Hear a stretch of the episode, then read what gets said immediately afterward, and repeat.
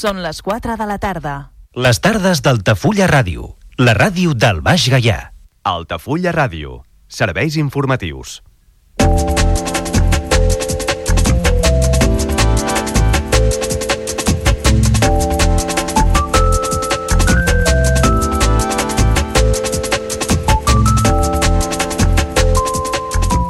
Una nova guia recull oferta comercial i de serveis d'Altafulla. L'impulsa l'Ajuntament amb l'objectiu de donar visibilitat a l'empresariat local i fomentar el consum de proximitat, coincidint també amb la campanya de Nadal. Altafulla viu amb intensitat el cap de setmana del pont de la Puríssima. La signatura pendent continuen sent els dies intersetmanals i el tancament de molts negocis en aquestes dates.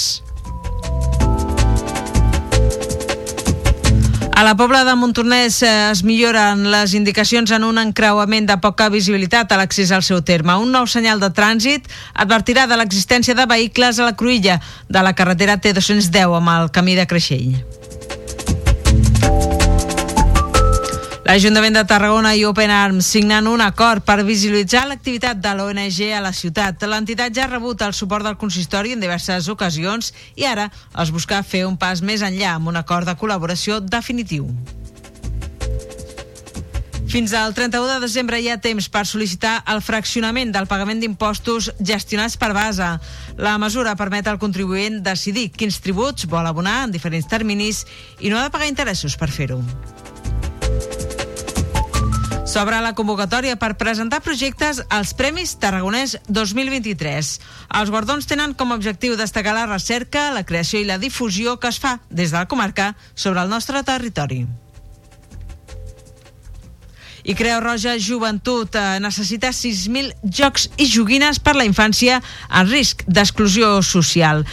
La campanya pretén aconseguir jocs i joguines noves, no sexistes i no, bènica, no bèl·liques que s'entregaran a principis d'any a 2.000 infants en risc.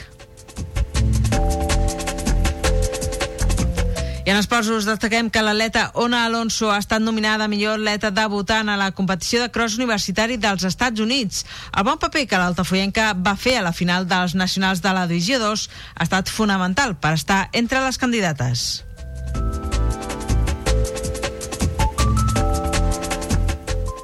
Assegut a la plaça del sortidor Aquí t'espero com si fos el primer bar La Bohem on comença el carrer Blai que és la petita rambla del poble sec. Parlen de la pluja que ha plogut d'imatges molles als miralls damunt l'asfalt. Potser és per això que el teatre està tan buit Potser és per això que avui sento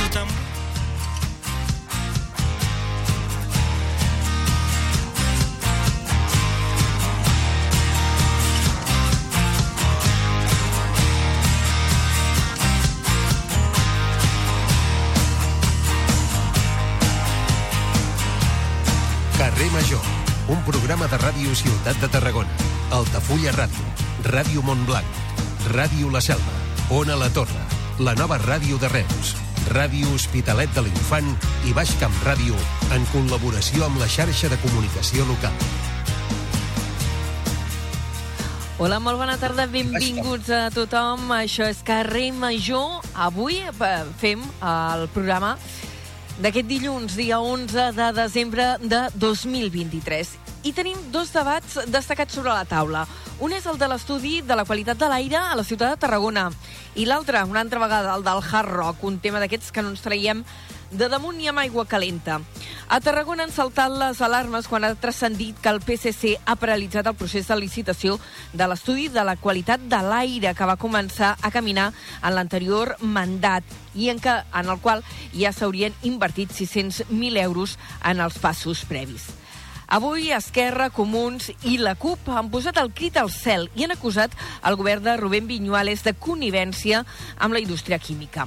Dimecres, si no hi ha surts ni canvis de darrera hora, tindrem precisament l'alcalde de Tarragona, Rubén Viñuales, aquí, al programa Carrer Major, i traslladarem aquesta qüestió, entre moltes altres, perquè les preguntes, de fet, se'ns acumulen.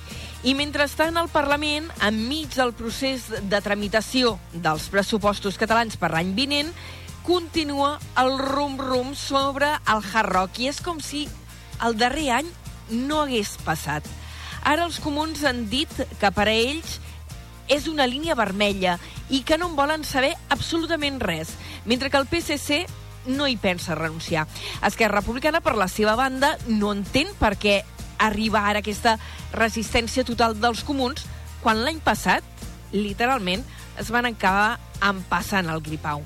Mentrestant, a Madrid, avui el govern espanyol ha ofert una pujada del salari mínim interprofessional del 4%, però la reunió amb patronal i sindicats ha acabat sense acord.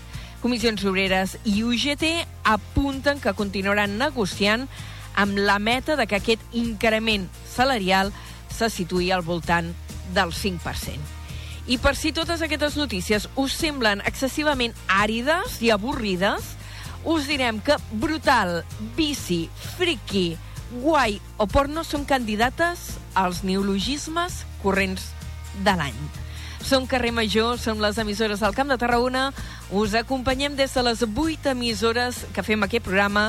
L'equip el formem Liri Rodríguez, l'Aleix Pérez, en David Fernández, la Gemma Bufies, la Cristina Artacho, l'Adrià Racasens, en Jonai González, l'Antoni Mellado, el Pau Corbalan, Antoni Mateos, jo mateixa que sóc l'Anna Plaça i el Iago Moreno, que el tenim al control tècnic. Comencem.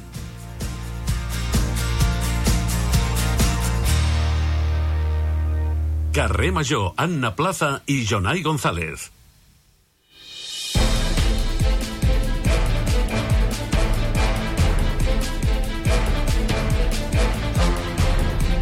En aquest primer tram del programa el que fem és repassar, per començar, en forma de titulars, en forma molt breu, les notícies del dia. Ho fem amb en Jonai González de Ràdio Ciutat de Tarragona. Jonai, bona tarda. Molt bona tarda. Esquerra Republicana, en Comú Podem i la CUP exigeixen que l'Ajuntament de Tarragona no aturi l'estudi sobre la qualitat de l'aire que les dues, eh, que les tres formacions, volem dir, eh, van impulsar al passat mandat. L'actual govern municipal, on governa el PSC en solitari, ha aturat el procés de licitació. El pont de la Puríssima ha deixat unes dades d'ocupació d'entre el 70 i el 80% a la demarcació de Tarragona. La mitjana d'estada ha estat d'entre dues i tres nits als establiments turístics. Hard Rock continua al centre del debat sobre els pressupostos catalans de l'any vinent. En Comú Podem ha manifestat que el macrocomplex turístic continua sent una línia vermella per a ells. De, per la seva banda, el PSC assegura que no pensa renunciar al projecte del Hard Rock i des d'Esquerra es mostren sorpresos pel canvi de decisió dels comuns. Dos joves de Tarragona han mort aquesta nit en un accident de trànsit a la Nacional 240 a Montblanc. Són el conductor i la passatgera posterior d'un turisme que ha patit una sortida de via. La passatgera davantera ha patit ferides de gravetat.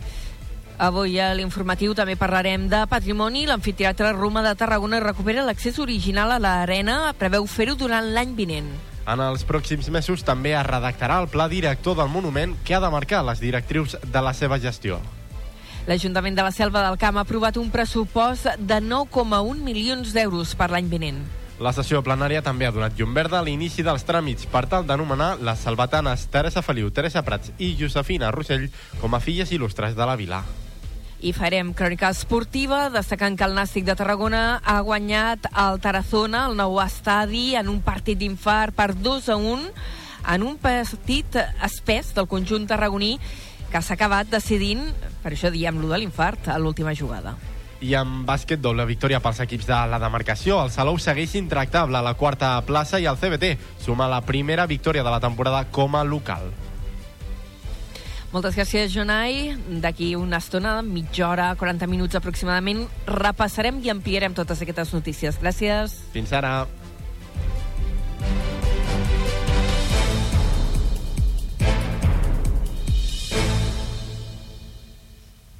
Carrer Major, Aleix Pérez.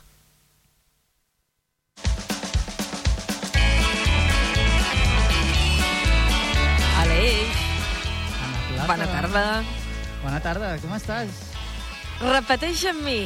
Jo, de gran, vull ser Toni Mateos. Ai, jo que és un exemple per seguir a tots. Eh? Sí, perquè m'ha tornat a deixar les claus del piset. Jo crec que... T'ha deixat les claus de la molt- segona hora. Sí, sí. Eh, No sé si tenia vacances encara pendents, dies de festa. Festa major no, perquè ja la vam fer. No, no, No? la festa major la, va- la van fer, de fet, que, que la setmana passada, si no m'equivoco. Ah, no, l'anterior. O sigui que bé, bé, aquestes festes me les haurà d'explicar bé el Toni Mateos, que jo també les vull fer. En qualsevol cas, avui t'ha deixat sol per capitanejar la segona hora del programa. Sé que t'ha deixat algun partit eh, regalet, eh? Sí, sí, la veritat és que s'ha avançat el Nadal i, i tindrem una sorpresa que ja... Doncs la gent que escolti la segona hora, no? Els, els reals, els que segueixen aquí després de l'hora informativa amb l'Anna Plaza, sabran la sorpresa que ens va preparar el Toni Mateos, però si vols, eh, et venc al peix ja a veure què, què et sembla, si... Ben, tu el que vulguis, explica. Mira, doncs et vendré per començar una entrevista amb el Sergi Aliagas, el guanyador del primer Premi Pere Anguera de la Fundació Redis, per parlar del seu treball i una mica també l'estat de, del món professional un cop s'ha acabat la carrera universitària. A col·laboradors, t'agradarà això a la plaça perquè torna una secció que ja vam Ai, tenir quan ara. el Toni estava de vacances, que viatgem a l'estranger, parlarem amb gent d'aquí, del Ah. territori, que viu a l'estranger, aquesta vegada amb l'Elisenda Fuster, que és una violoncel·lista que se n'ha anat a Països Baixos i a Suïssa una mica a, a buscar el seu futur professional. Ostres, la de músics d'aquí que estan vivint i treballant a fora. Molts, eh? En conec moltíssims. Exacte, és un dels temes que aprofundirem. Òbviament també doncs, tindrem una secció, no? els dilluns, que, que tothom sap de què són sinònim aquesta secció, però bueno, la deixem una mica a l'aire, tot això amenitzat per la magnífica banda sonora del Camp de Tarragona ens porta el David Fernández cada dia i la magnífica Cristina, que, que s'han anat a Tarragona també a parlar amb la Mat Caient, el coordinador de xarxa de centres cívics, sobre una ludoteca intergeneracional. Veurem a veure quin Molt bé, és veritat que això ho han presentat avui a l'Ajuntament de Tarragona. M'ha semblat una idea meravellosa. Increïble. Doncs tot això i molt més aquí a la segona hora, o sigui que la gent no desconnecti, no marxi. Doncs que no desconnectin. Aleix, fins després. Fins després a la plaça, vagi bé. Adeu. Adeu. Cada tarda de dilluns a divendres fem parada a Carrer Major.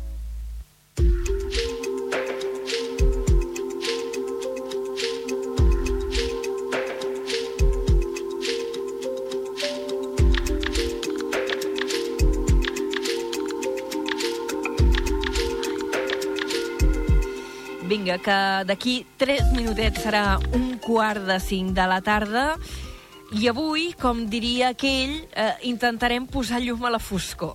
Perquè parlarem d'un tema que pot arribar a ser complex i que a més va de llum, perquè va d'energia.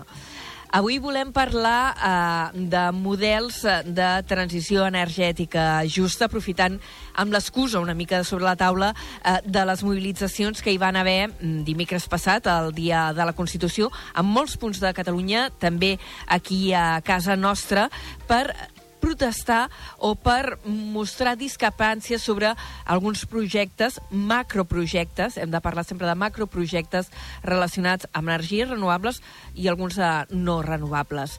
I per parlar, eh, per analitzar aquesta qüestió, avui hem convidat en Ximo Esteller, que és tècnic de defensa ambiental del JAPEC. Senyor Esteller, bona tarda, benvingut a Carrer Major. Hola, bona tarda, gràcies. Ahir, eh, ara ho comentàvem, eh, hi va haver a Catalunya dimecres passat una dotzena de talls de carretera eh, arreu del país, també aquí al Camp de Tarragona. Aquí al Camp de Tarragona hi va haver eh, mobilitzacions a l'Alcamp, també a Montroig, que a Montroig en el cas concret no és tant un projecte energètic eh, com el de l'OT Energy Materials. Eh, també n'hi va haver a Senant, i vostè no hi va poder anar, però ara entrarem en detall d'alguns d'aquests projectes. No? Eh, suposo que té referències de segones mans de companys seus del JAPEC i d'altres entitats que, que es van mobilitzar dimecres passat. Sí, sí, sí.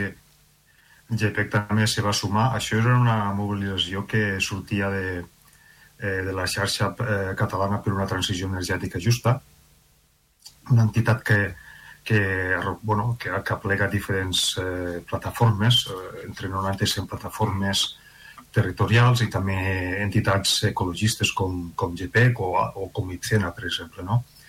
I bueno, ens vam sumar a la mobilització.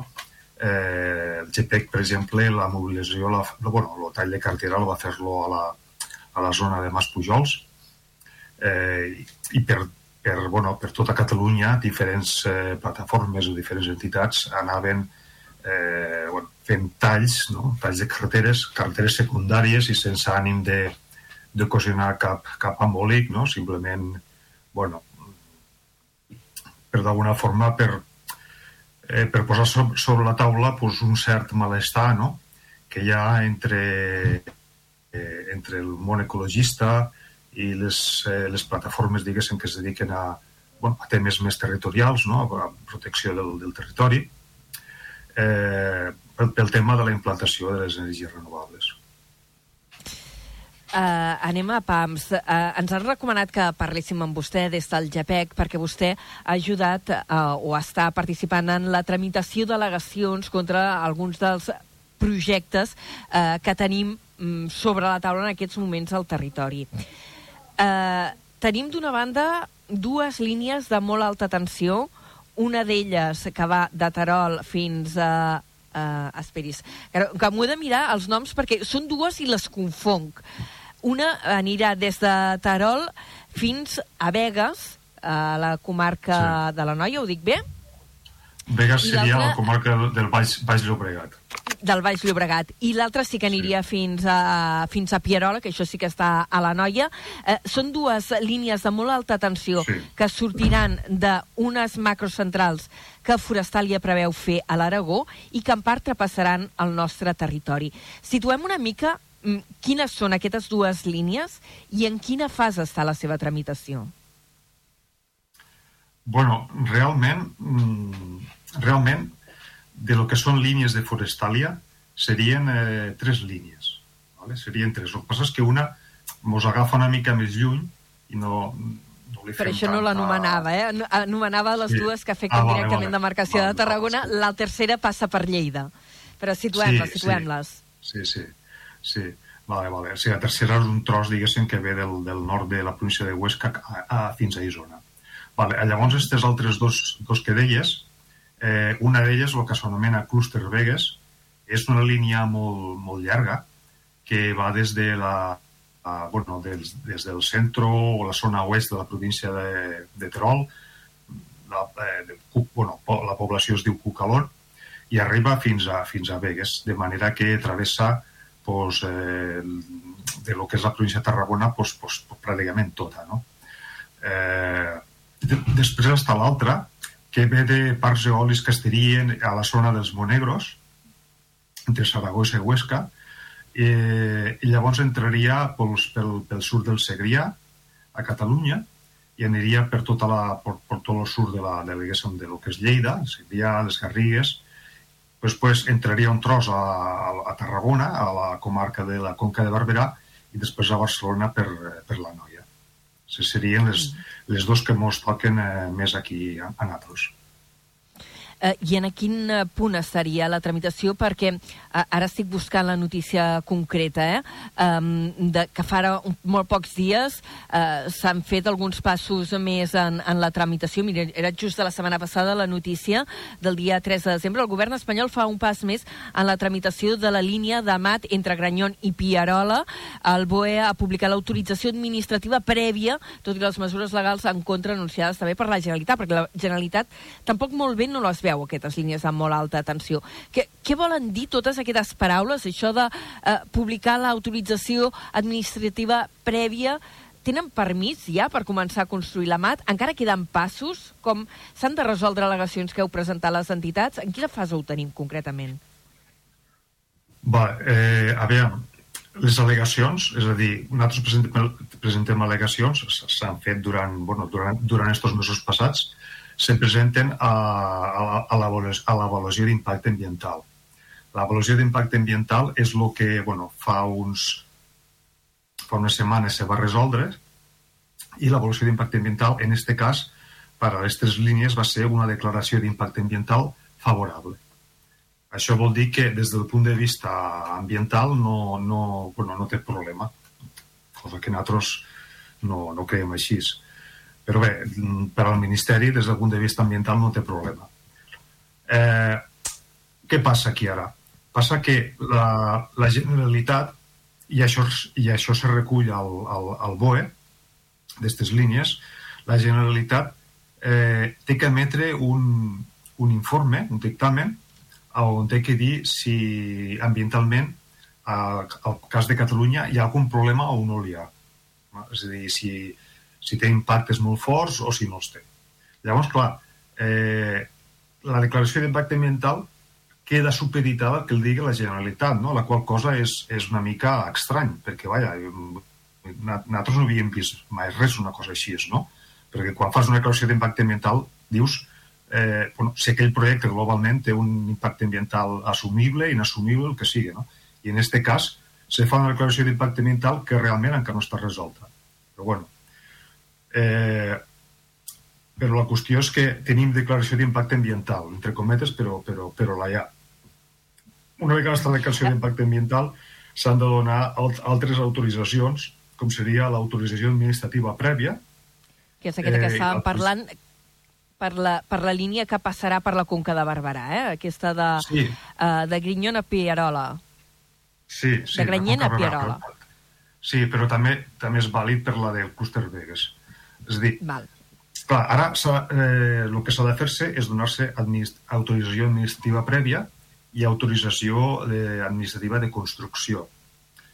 Clar, eh, l'autorització administrativa prèvia s'ha donat, el que passa és que no s'ha donat autorització de construcció.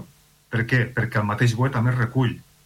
Perquè la, la, tot el projecte està supeditat a lo que digui la, la Generalitat al tràmit d'avaluació d'impacte ambiental.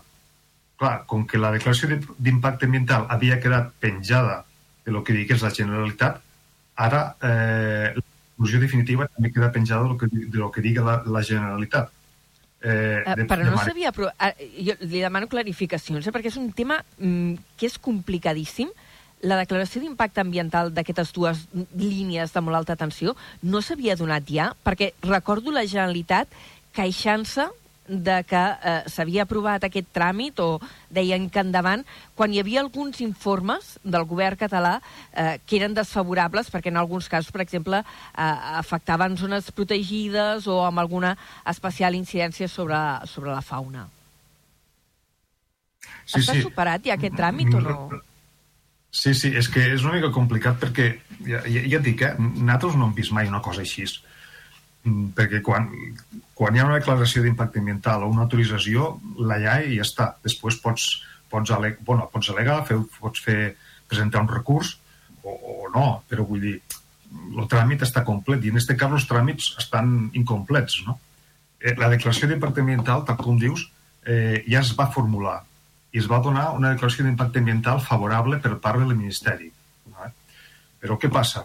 Passa que aquesta declaració d'impacte ambiental eh, no es completa, perquè el Ministeri i el Govern d'Aragó han dit la seva, però la Generalitat encara no. Ha enviat algun informe, però, per exemple, el cas del clúster Vegas, el BOE eh, posa que els informes de la Generalitat van arribar en retard, no? Bueno, en qualsevol cas, aquestes línies estan pendents d'un informe que ha, d'emetre la, la Generalitat. Concretament, la Direcció General de Polítiques Ambientals i Medi Natural, que és la que és competent per fer, estos informes.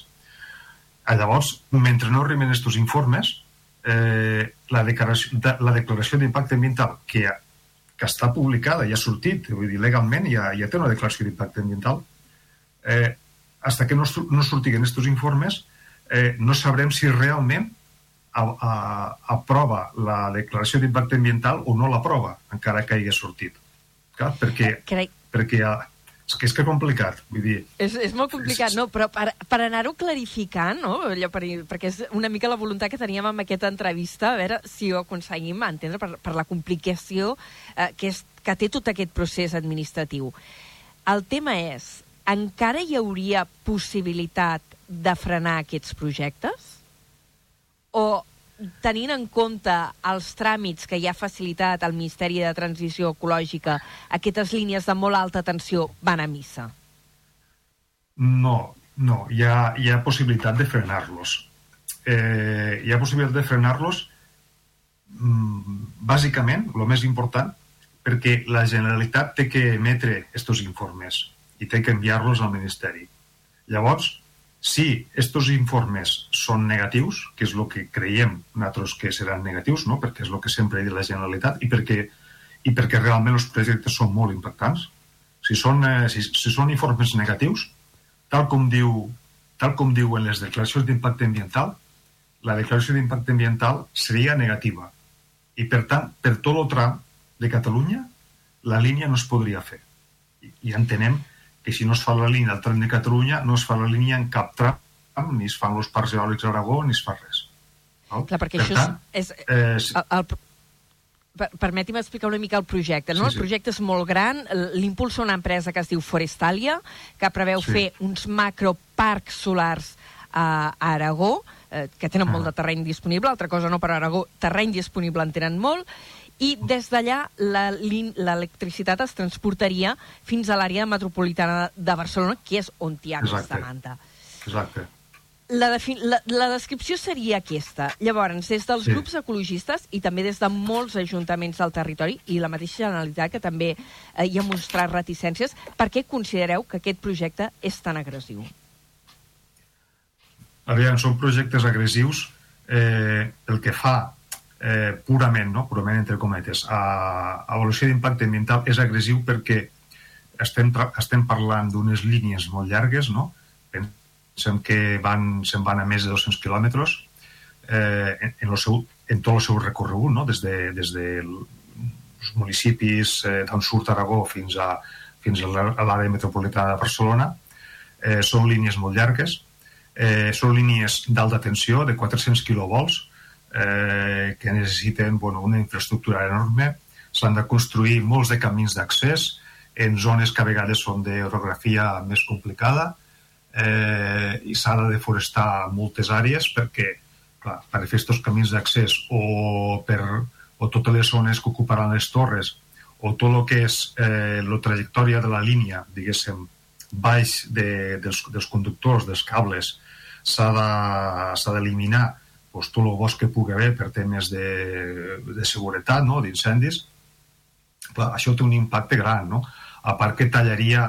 Eh, espai, bueno, no, no passa per dins d'espais naturals, eh, o no passa gaire per dins d'espais naturals, però sí que és veritat que, que, que talla connectors no? que connecten aquests espais naturals, en la qual cosa bueno, tot el que sigui a ella, a les, les zones naturals, xarxa Natura 2000, pues és problemàtic perquè bueno, ja hi ha prous, prous talls d'espais naturals eh, en altres línies d'alta tensió, en carreteres, en autopistes i tot això. No?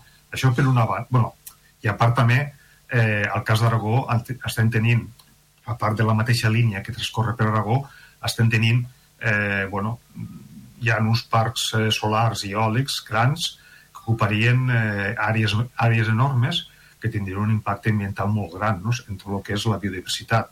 Pensem que la construcció d'aquestes línies implica pràcticament omplir de molins els monegros. Els monegros és una zona a nivell de, de la bifauna les més importants que hi ha, no? les més importants. Eh, I clar, eh, bueno, a Aragó, per exemple, estem veient que els centres de recollida de fauna eh, on se porten tots els animals que han ferits o que han, bueno, ferits morts per tema de, bueno, per tema de renovables, per línies elèctriques o per qualsevol altre accident, eh, els últims anys s'estan disparant, s'estan disparant i estem parlant d'animals que estan en perill d'extinció, en situació de vulnerabilitat, protegits, no? Vull dir que en este pas no quedarà res. Uh -huh. eh, amb les mobilitzacions que dèiem que hi havia eh, la setmana passada eh, per una transició energètica justa, un dels arguments és... Eh, mm, evidentment, els projectes de renovables, tenint en compte el context climàtic en què estem, eh, són irrenunciables, però no tindria sentit fer, com en aquest cas no s'està plantejant, eh, amb un centre de producció enorme, molt allunyat del lloc de consum. No? Les renovables permetrien, i és el que defenseu, que estiguin més a prop de la zona de consum amb projectes més dimensionats a, a, la, a les necessitats reals de cada punt? Sí, sí, sí, és el que, és el que, eh, bueno, és el que pretenem posar damunt la taula, no? Eh, si ens fixem en tots els projectes que estan sortint ara a Catalunya, a nivell de Catalunya, eh, tots els projectes estan sortint en zones com, eh, bueno, mm, Terres de l'Ebre, l'interior de Tarragona, pues això de la Conca de Barberà, eh, l'Alt Camp, eh, lo Segrià, mm, les, les comarques del sud de Lleida, lo Pallars, eh, estan sortint molts també, la Noia, que estem parlant de zones que estan molt allunyades dels centres de consum. De pensar que a nivell de Catalunya, en molta diferència, qui consum la, majoria, la major part de l'energia és l'àrea metropolitana de Barcelona.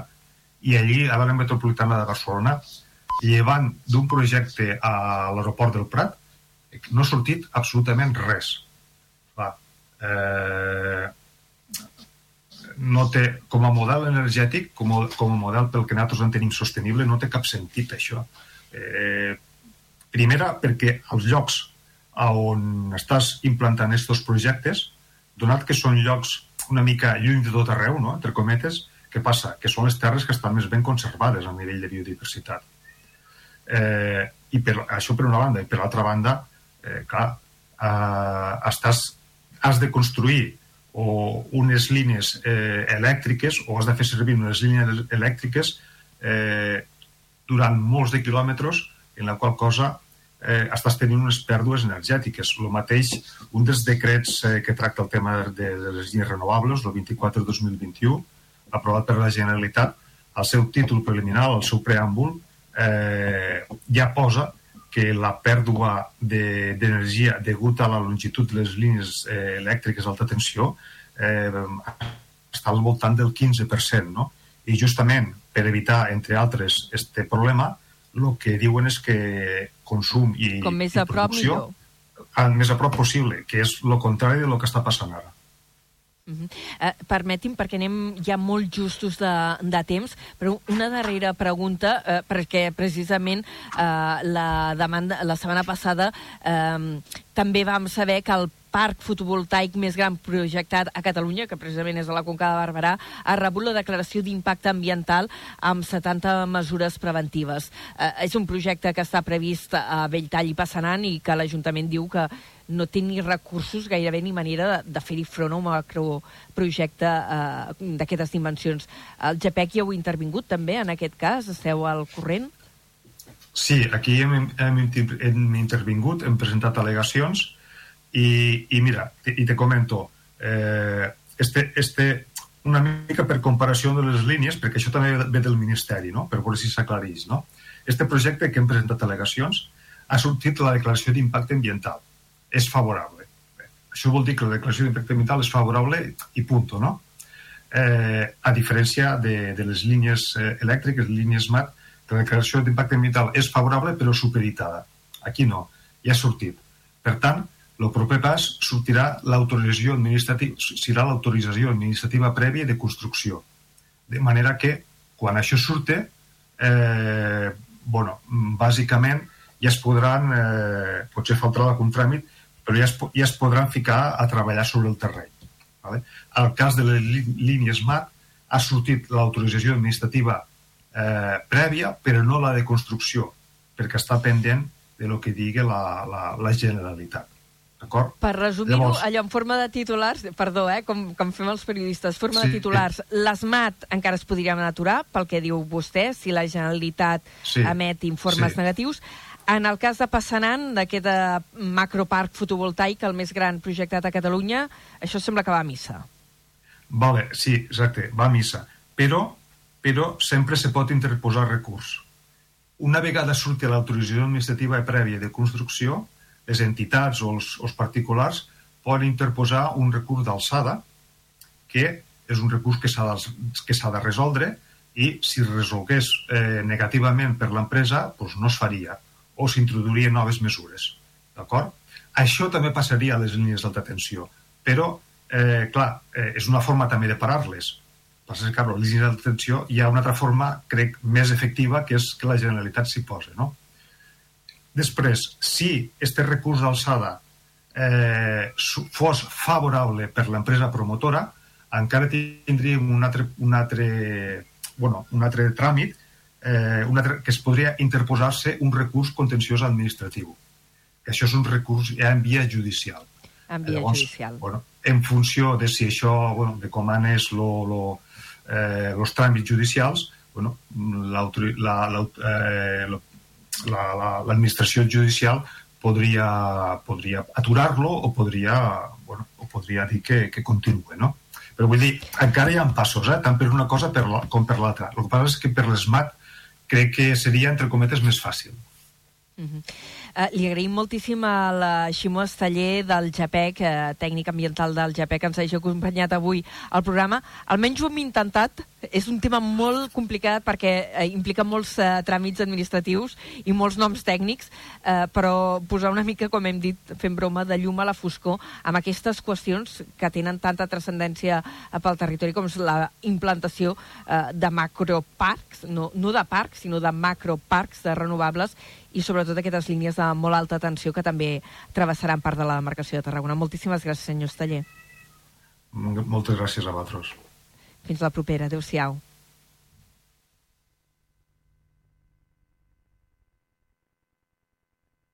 Carrer Major, a la teva ràdio de proximitat.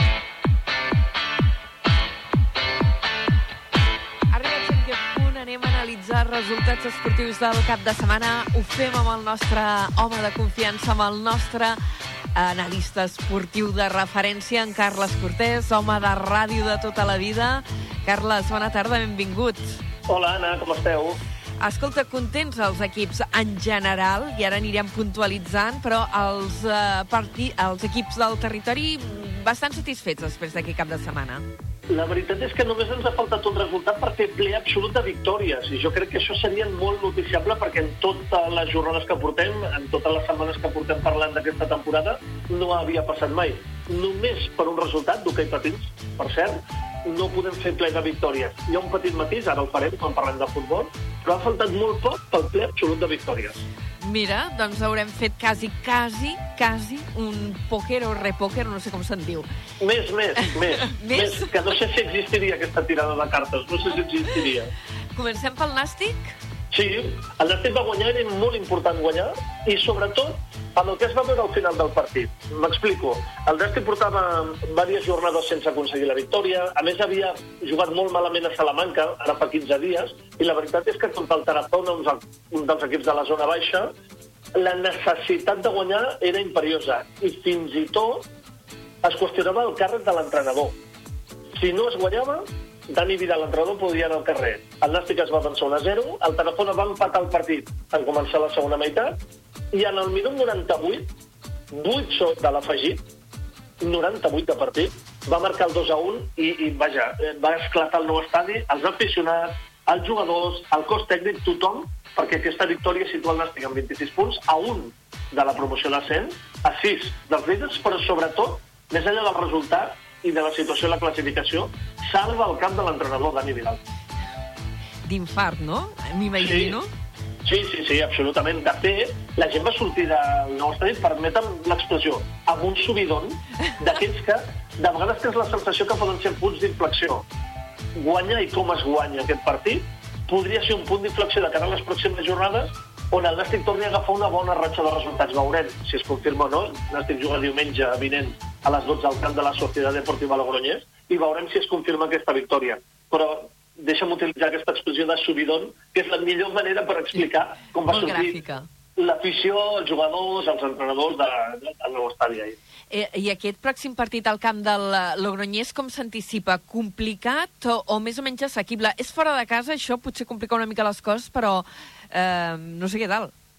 Eh, tots els partits en aquesta categoria són complicats. A més, durant les últimes setmanes hem vist com Cuers guanyaven el líder del grup. Per tant, tots els partits són complicats. Fora de casa, potser el Nàstic li és més difícil que a casa. A casa no ha perdut cap partit, no els ha pogut guanyar tots, però no n'ha perdut cap. En canvi, fora de casa no està trobant una bona línia de resultats i segurament per això no està ja en promoció d'ascens o fins i tot tocant el primer a la classificació.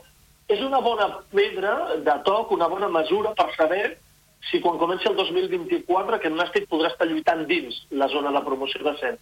És allò de guanyar casa, però també treure bons resultats per a casa per poder-te consolidar entre els millors de la categoria. Serà l'últim partit de l'any, per cert, aquest Ah, diumenge. molt bé. Doncs últim partit de Lliga pel Nàstic d'aquest 2023. I ja veurem què passa. Uh, Carles, i els altres equips de, de futbol del nostre territori? Aquí està el mateix que et feia abans, Doncs perquè no va haver-hi competició de tercera federació. Ni el Reus, ni la Pobla de Mafumet, ni la Rapitenc que van jugar aquest cap de setmana. Per tant, són tres resultats que no donem aquest cap de setmana, i per això et deia que estàvem a prop del ple absolut, però amb un matís, perquè no hi ha hagut tercera federació que després d'aquest pont ha fet festa, per dir-ho així, no torna a jugar fins diumenge vint. Doncs uh, no hi ha resultats a tercera federació. Passem al bàsquet, que aquí és on potser hi ha hagut més alegries. Totes, totes. Totes, doncs Va guanyar el, tot, Salou i Club Bàsquet Tarragona a l'Alep Plata i Valls a la Lliga EVA. A l'Alep Plata, el del Salou comença a ser normal, que guanya els partits. A més, va guanyar fora de casa, a la pista del Sant Feliuenc, 75-82, i es consolida en el quart lloc de la classificació. Està entre els millors, el Salou. Està consolidat allà. Qui- Tinc la sensació que el veurem allà fins a final de temporada. Escolta, quina, quines són les claus d'aquests bons resultats del Salou, que és un equip que s'ha anat consolidant en els, en els últims anys, no? no eh, ab- abans era, era el paper més que jugava el CBT i ara veiem aquest Salou despuntant. Eh, quines són les claus? per mi, respecte a l'any passat, l'experiència. L'experiència dels jugadors, l'experiència de la plantilla. L'any passat el Salou es va estrenar en aquesta categoria i no li va anar bé. De fet, va perdre la categoria, però la va poder recuperar als despatxos. Enguany ha canviat tota la plantilla, o gairebé tota. Dels 12 jugadors de la temporada passada, potser en queden dos. I per mi aquesta la clau. Jugadors amb més experiència, jugadors que saben més com s'ha de jugar en aquesta categoria, el mateix entrenador, jugadors diferents, han fet que tot plegat hagi funcionat millor en aquest inici de temporada i per això en 11 jornades només ha perdut 3 partits.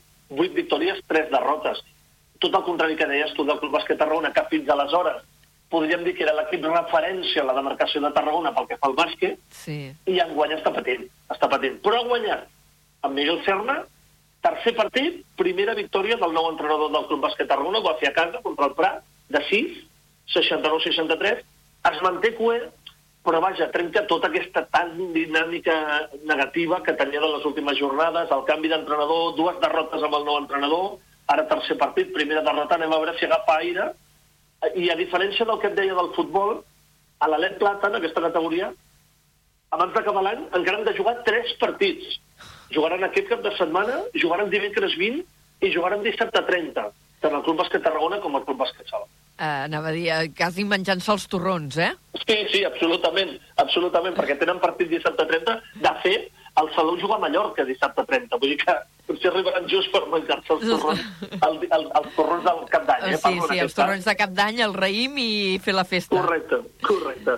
I, i a l'EVA l'altra bona notícia, Anna. El El Valls va tornar a guanyar, sí, 65-60, també es consolida tercer a la classificació, 8 victòries, 3 derrotes, si ens fixem és el mateix balanç del Valls i del Salou, el que passa que el Salou està una categoria per damunt, l'Em Plata, el Valls està a l'EVA, bona victòria, i diumenge juga l'últim partit de l'any, també a la Lliga EVA, diumenge el Valls tanca aquest any 2023. I anem a la nota final, que seria l'hoquei. Bueno, encara ens quedarà uh, vòlei, també, eh? Que avui, avui no ho he vòlei mirat, el que havia fet el vòlei. Qui ha fet el Tu què vòlei? creus? Tu què creus que ha Ha fet? guanyat, bueno, no ho sé. Pues avui no ho Ja he està. mirat perquè he donat per fet que havien guanyat, sincerament. Clar, clar, clar. Vull dir, és tan fàcil com dir que hem guanyat 3 a 1 davant del Xàtiva, jugaven a casa, al pavelló de Sant Prit en Pau, eh, 10 jornades, 10 victòries, vull dir que eh, fantàstica la trajectòria de l'equip de Sant Prit Sant Pau, que diumenge juga un derbi a la pista del Barça, per cert. Ah, Barça molt Sant. Prit Sant Pau, diumenge a les 11, a la jornada 11, precisament, de la Superliga 2 de voleibol. I el Barça com està de forma en vòlei? El Barça és un equip eh, molt normalet, no, no, no és un equip que destaqui com en altres competicions. Eh, el Barça de voleibol no és un referent com pot ser el Barça d'hoquei patins, el Barça d'handbol, ja no parlo de futbol o de bàsquet, eh? En voleibol és una altra història i en aquest cas el Sant Pere Sant Pau és el favorit en aquest partit a la pista del Barça. Doncs eh, fet l'apunt de vòlei perquè ja donàvem per eh, descomptat que el Sant Pere Sant Pau havia tornat a guanyar una setmana més. Anem amb aquesta nota una mica més amarga d'aquest cap de setmana que ha sigut l'hoquei. Al Sí. Reus de Portint no, no li ha anat bé la cosa. No, no, a més, a més els dos últims partits no li han anat bé al Reus Deportiu d'en Jordi Garcia, perquè recordo que la setmana passada parlàvem d'una victòria de prestigi, una victòria molt important a la pista al Liceo, una victòria d'aquelles que et pot servir per mirar per amunt, doncs eh, els dos següents partits no n'ha guanyat cap, perquè va haver-hi jornada intersetmanal la setmana passada i el Reus va perdre eh, eh, aquest cap de setmana contra el Lleida, 3-1, però la setmana, entre setmana en aquest partit havia empatat a 3 amb el Caldes. Per tant, ha fet un punt de 6 l'equip de Jordi Garcia, que, a veure, tampoc no és que passi res, però després de la victòria a la pista al Liceo teníem la sensació que el Reus miraria per amunt. I s'ha quedat ancorat allí sisè a la classificació 18 punts, amb aquest 1 de 6, després de perdre la Lleida per, per 3 gols a 1. Qui va guanyar és el Calafell, 2 a 5, a la pista del Mataró, i compensa una mica la, la derrota de la setmana passada entre Setmana Igualada, i ara els dos equips estan empatats, 18 punts. Calafell cinquè, 18 punts, Reus Deportiu, 18 punts també, si ja classificat. Estan igualats a la classificació per darrere del Barça, del Noia, del Sant Just i de l'Iceo. Uh -huh. um, una mica irregular, no?, la temporada que està tenint el Reus Deportiu, per tot el que expliques? Sí, per mi massa, sobretot per l'inici de temporada, allò que hem anat comentant durant totes aquestes jornades, ara es compleix la jornada 12 del Campionat de Lliga, no havia pogut començar a jugar al pavelló propi, al Palau d'Esports, perquè s'estaven fent reformes, entrenaments a una pista, partits en altres pistes, una mica aventurer a l'inici de temporada. No sé si això ha fet que costi agafar la regularitat del que hauria de ser la temporada del Reus Deportiu, també, evidentment, com sempre, eh? jugadors nous, jugadors joves, tot plegat fa que, que, es, que es munti un còctel que de vegades necessita un temps per poder-se pair bé. I anem a veure si, si a partir d'ara es país bé. A més, recorda que dijous tenim un partidàs d'hoquei patint de la Champions League, segona jornada. Calafell-Reus. Sí, és veritat, ho vam comentar al derbi. És veritat, Correcte. és veritat. Yes, ja. Oh, veus com passen els dies? Efectivament, és dijous. Dijous a dos quarts de nou del vespre, Calafell-Reus, el Joan Ortoll, um, així es diu el pavelló del Calafell, allà es juga aquest partit de la segona jornada. I és un partit molt important perquè com els dos van perdre la primera jornada, el que surti guanyador d'aquest partit no vull dir que ho tingui fet ja per superar aquesta fase segona de, De de, la la Champions. competició. Però, home, farà un pas important, farà un pas important. I el que perdi se li complica una mica el paper, encara quedaran quatre jornades eh, en aquesta fase, però se li pot complicar una mica. Eh, tens present si es podrà seguir per televisió, també? Eh, Jo crec que sí, però no t'ho puc confirmar. Va, Doncs mira, no, no ens arrisquem a dir-ho per si de sí, cas, no, eh? no, Però no, no vegades t'ho aquí... puc confirmar. D'acord. Uh, Carles, moltes gràcies per haver-nos acompanyat un dilluns més fent l'anàlisi, una repassada així panoràmica pels resultats esportius del cap de setmana a casa nostra. Al contrari, un plaer i, i a veure si podem aconseguir un ple de victòries, que això seria una gran notícia. Doncs mira, quasi. Aquest, aquest cap de setmana, quasi. I està molt bé. Merci, Carles. Molt bé, una abraçada, gràcies. Petonets. Adéu. Carrer Major, al Camp de Tarragona, des de ben a prop. Avui sí que anem tard. Deia, avui sí que anem tard, passen dos minuts a tres quarts de cinc de la tarda, ens queden escassos eh, 12 minuts per repassar les notícies del dia, però ens hi posem amb agilitat. Jonai, bona tarda de nou. Molt bona tarda de nou. Esquerra Republicana en Comú Podem i la CUP han exigit que l'Ajuntament de Tarragona no turi l'estudi sobre la qualitat de l'aire que les dues formacions van impulsar el passat mandat. L'actual govern municipal, amb el PSC en solitari, ha aturat, diuen, el procés de licitació. Tots tres partits, ara l'oposició, han acusat els socialistes de baixar el listó d'exigència amb la indústria i també de convivència amb els grans poders. El regidor d'Esquerra Republicana, Xavier Puig, ha recordat que ja s'han invertit 600.000 euros en el projecte i lamenta que ara el govern de Vinyuales n'aturi la tramitació. Puig considera que l'estudi de la qualitat de l'aire ha de continuar endavant, encara que altres municipis se'n despengin. i per tant hem de tirar endavant encara que els pobles del costat vulguin o no vulguin. Pensem també que hi ha condicionants grans aquí. Aquí hi ha pobles que cobren molts diners per la indústria. No és el cas de Tarragona, oi? Doncs, però l'aire sí que el respirem tots, no? Doncs vinga, a nosaltres ens pertoca, no només com a capital, sinó per la situació objectiva que tenim, eh, agafar i estudiar amb independència i amb rigor científic com és l'aire que respirem i si podem fer alguna cosa per millorar-lo. Des dels comuns, en un comunicat, han exigit a l'executiu que posi en marxa els tràmits immediatament i han expressat enèrgica repulsa per la decisió unilateral del PSC. Per la seva banda, la CUP, que des de l'àrea de Medi Ambient va estirar del carro per fer realitat aquest estudi, considera que la seva congelació es mostra de l'opacitat i impunitat del sector petroquímic.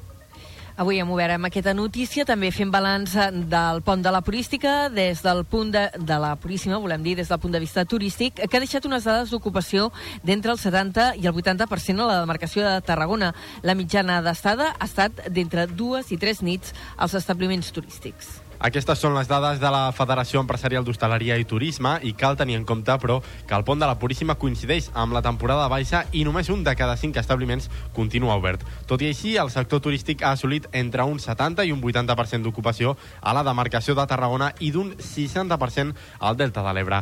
Xavier Guàrdia, portaveu de la Federació Hostalera, es mostra satisfet amb aquestes dades. que la notícia bona és que d'aquest 20% que hi ha, obert, el 70-80% s'ha ocupat. Això, que, que sembla relatiu, si miréssim enrere doncs, 20 anys, per dir-ho d'alguna manera, era quasi bé impensable, no? que amb aquestes dates de començament de desembre poguessin tindre aquestes ocupacions. A la resta del país s'han complert expectatives a gran part del sector turístic de Catalunya. Gràcies a les nevades dels últims dies, el Pirineu i la Catalunya central han tingut ocupacions generalitzades del 80 al 90% a hotels, càmpings i cases de turisme rural. Hard Rock continua al centre del debat sobre els pressupostos catalans de l'any vinent, després que en Comú Podem hagi manifestat que el macrocomplex turístic és una línia vermella per a ells, que no pensen acceptar Esquerra i el PSC i han replicat avui. La portaveu d'Esquerra Republicana, la veienca Raquel Sanz, s'ha mostrat sorpresa perquè el Hard Rock ja va formar part de l'acord de pressupostos de l'any passat i llavors no va ser una línia vermella per als comuns.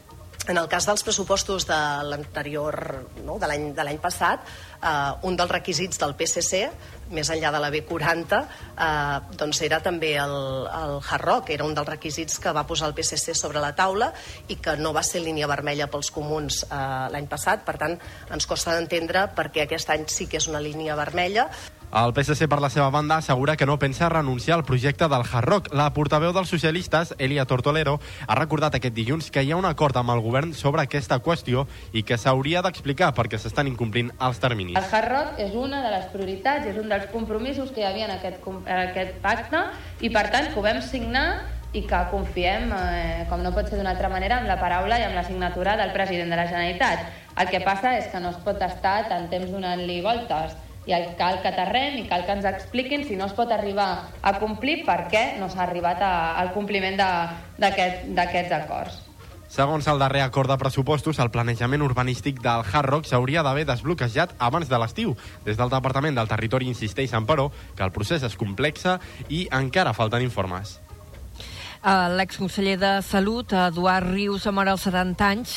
Rius, nascut a Tarragona, va ser conseller entre els anys 96 i 2002 durant l'època de Jordi Pujol. L'actual conseller de Salut, Manel Balcells, ha lamentat la pèrdua i ha recordat que Eduard Rius va ser conseller quan es posaven les bases de l'actual sistema de salut del país. Per la seva banda, el president del Col·legi de Metges de Barcelona, Jaume Padrós, ha assegurat en un missatge a X que està commogut per la mort de Rius, de qui ha destacat que era gran persona i amic. També ha apuntat que va ser un molt bon conseller i ha afirmat que estava molt compromès amb el sistema sanitari i amb la professió.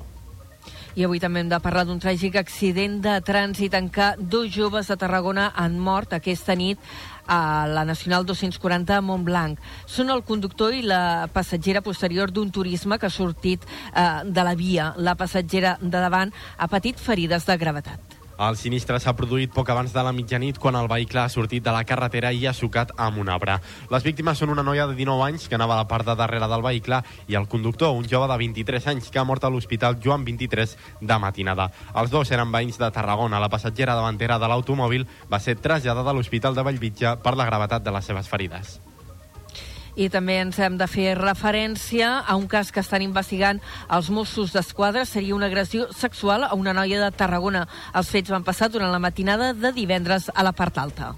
La noia major d'edat va acudir a l'hospital per ser atesa després de l'agressió. Segons el caso, la jove hauria perdut el mòbil durant la matinada i un grup de sis nois l'hauria enredat per dur de la part alta fent-li creure que sabien on era. Almenys dos d'ells l'haurien violat segons el digital, extrem que la policia declina confirmar per no entorpir la investigació. La causa l'ha assumit la Divisió d'Investigació Criminal.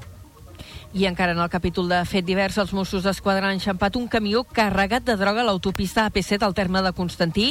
Els fets es van produir la setmana passada. A l'interior del vehicle s'hi van trobar 60 quilos de marihuana i 40 més de xix. La policia va detenir-ne el conductor de 54 anys.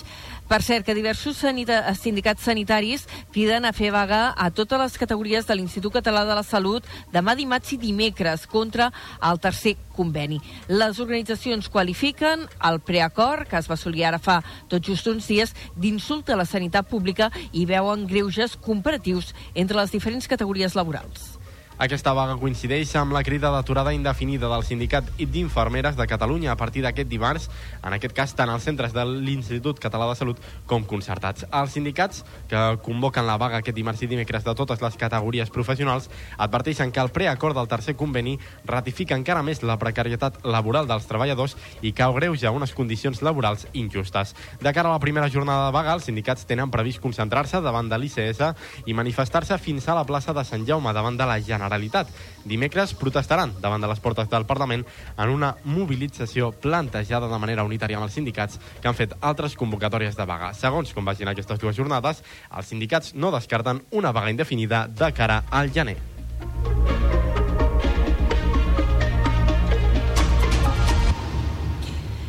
L'Amfiteatre Romà de Tarragona recuperarà l'accés original a l'arena durant l'any vinent. En els pròxims mesos també es preveu redactar el pla director del monument que ha de marcar les directrius de la seva gestió. Així ho ha explicat el conseller de Patrimoni de la ciutat, Nacho García, en una entrevista a la CN. García confia que ben aviat se signi un nou conveni de col·laboració amb la Generalitat, pel qual cadascuna de les dues administracions aportarà 100.000 euros anuals durant 4 anys. Aquests diners es destinaran a projectes de conservació del patrimoni romà, inclòs en la Declaració de Patrimoni de la Humanitat. El conseller ha destacat la rellevància del monument per a la ciutat. És un monument molt estimat per, per la ciutat, és un monument que és la nostra imatge moltes vegades a nivell turístic i a nivell eh, promocional i, i per tant l'hem de cuidar i, doncs, i posem fil a l'agulla. Primer, eh, pla director que ja està en licitació o està a punt de sortir a licitació i d'altra doncs, aquesta primera intervenció per eliminar la vestida que sempre dona una imatge no, de, de certa degradació doncs eliminem la vestida, fem una bona intervenció i, i tornem a obrir el pas cap a, cap a la sorra, cap a la, al foso de l'amfiteatre. Paral·lelament, durant l'any que ve hi ha una partida municipal de 150.000 euros que servirà per recuperar l'accés original a l'arena i retirar la passarel·la actual, així com fer millores en el sistema d'evacuació de les aigües pluvials a l'entorn de la porta Triomfalis. L'Ajuntament de la Selva del Camp ha aprovat un pressupost de 9,1 milions d'euros per l'any vinent. La sessió plenària també ha donat llum verda a l'inici dels tràmits per tal d'anomenar les salvatanes Teresa Feliu, Teresa Prats i Josefina Rossell com a filles il·lustres de la vila.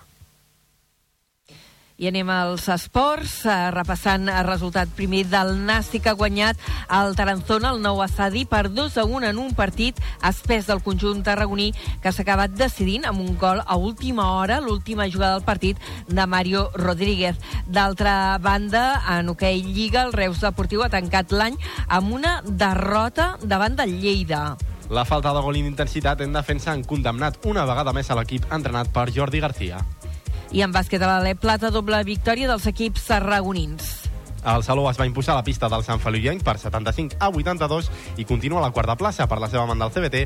Va sumar la primera victòria com a local davant el Prat per 69 a 63. Més o menys hem arribat. Tanquem la primera hora de carrer Major. Fins ara.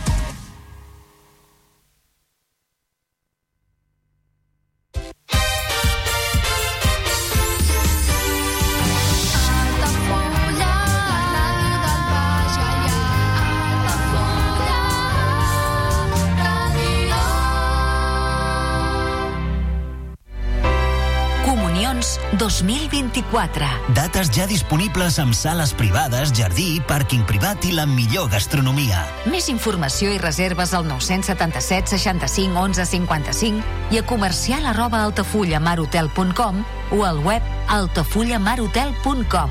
Les teves celebracions familiars a l'Altafulla Mar Hotel. Ja coneixes les propostes que t'ofereix el Club Marítim Altafulla? Vine i descobreix totes les nostres activitats. Sortides en caiac o pa del surf, cursos de vela per a totes les edats. No t'ho perdis i gaudeix d'un dels esports més segurs d'aquest any. Club Marítim Altafulla. Obert tot l'any i per a tothom. Carrer Major, el programa de les emissores del Camp de Tarragona. Cada dia de 4 a 6 de la tarda, el que passa al Camp de Tarragona t'ho expliquem amb la major redacció d'un programa de territori quilòmetre zero. Periodisme de proximitat, continguts de qualitat, amb Anna Plaza i Toni Mateos. Carrer Major.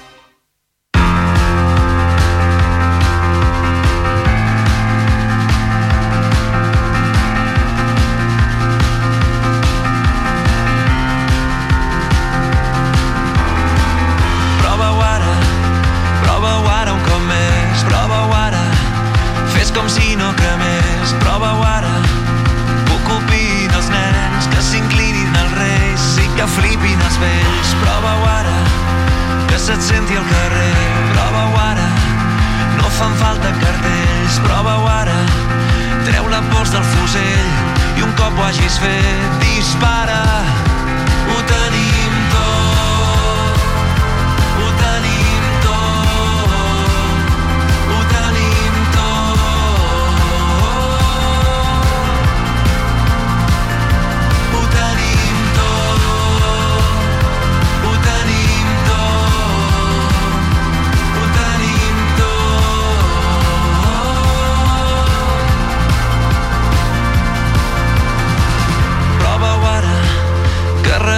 secret. Prova-ho ara, no pateixis per ells. Prova-ho ara, crida i salta del tren i torna a fer un cop més per si demà ja no hi ets. Prova-ho ara, corre cam a través. Prova-ho ara. Són les 5 de la tarda. Les tardes d'Altafulla Ràdio, la ràdio del Baix Gaià. Altafulla Ràdio. Serveis informatius.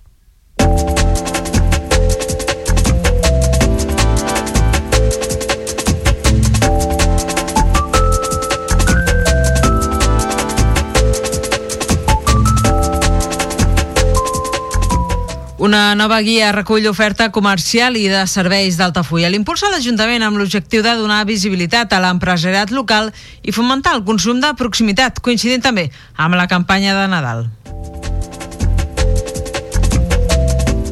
Altafulla viu amb intensitat el cap de setmana del pont de la Puríssima. La signatura pendent continuen sent els dies intersetmanals i el tancament de molts negocis en aquestes dates. A la Pobla de Montornès eh, es milloren les indicacions en un encreuament de poca visibilitat a l'accés al seu terme. Un nou senyal de trànsit advertirà de l'existència de vehicles a la cruïlla de la carretera T210 amb el camí de Creixell.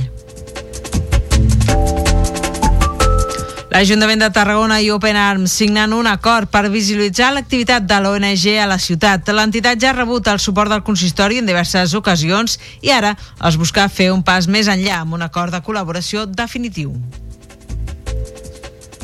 Fins al 31 de desembre hi ha temps per sol·licitar el fraccionament del pagament d'impostos gestionats per base. La mesura permet al contribuent decidir quins tributs vol abonar en diferents terminis i no ha de pagar interessos per fer-ho. S'obre la convocatòria per presentar projectes als Premis Tarragonès 2023. Els guardons tenen com a objectiu destacar la recerca, la creació i la difusió que es fa des de la comarca sobre el nostre territori. I Creu Roja Joventut eh, necessita 6.000 jocs i joguines per la infància en risc d'exclusió social. La campanya pretén aconseguir jocs i joguines noves, no sexistes i no, bènica, no bèl·liques que s'entregaran a principis d'any a 2.000 infants en risc. I en esports us destaquem que l'atleta Ona Alonso ha estat nominada millor atleta debutant a la competició de cross universitari dels Estats Units. El bon paper que l'altafoyenca va fer a la final dels nacionals de la Divisió 2 ha estat fonamental per estar entre les candidates.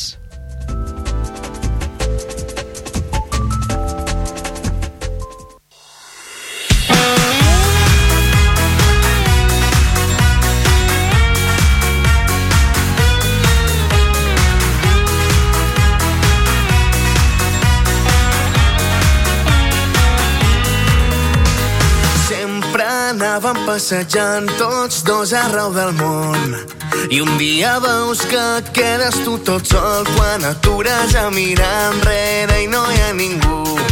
Sa vida no és tan curta per somiar i una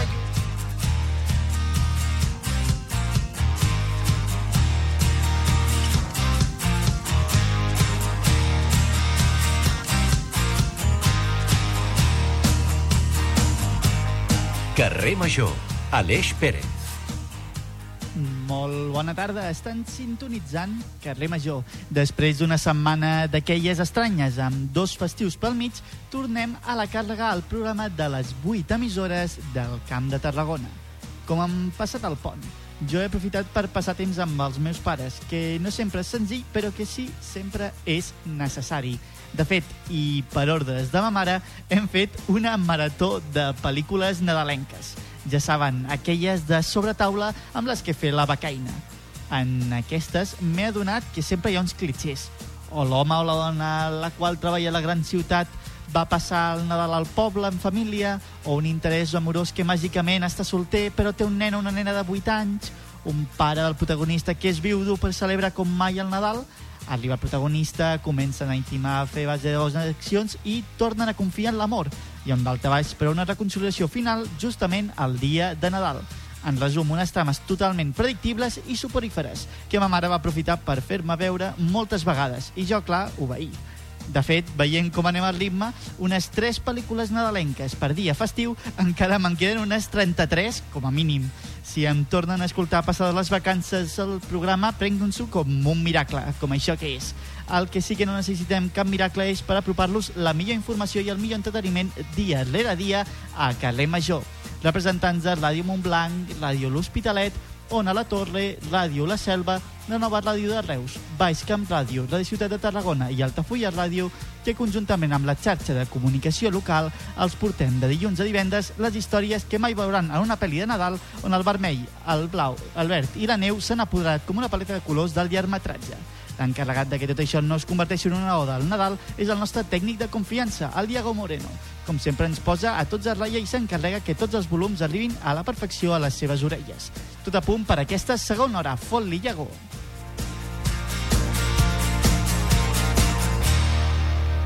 Carrer Major, al Camp de Tarragona, des de ben a prop.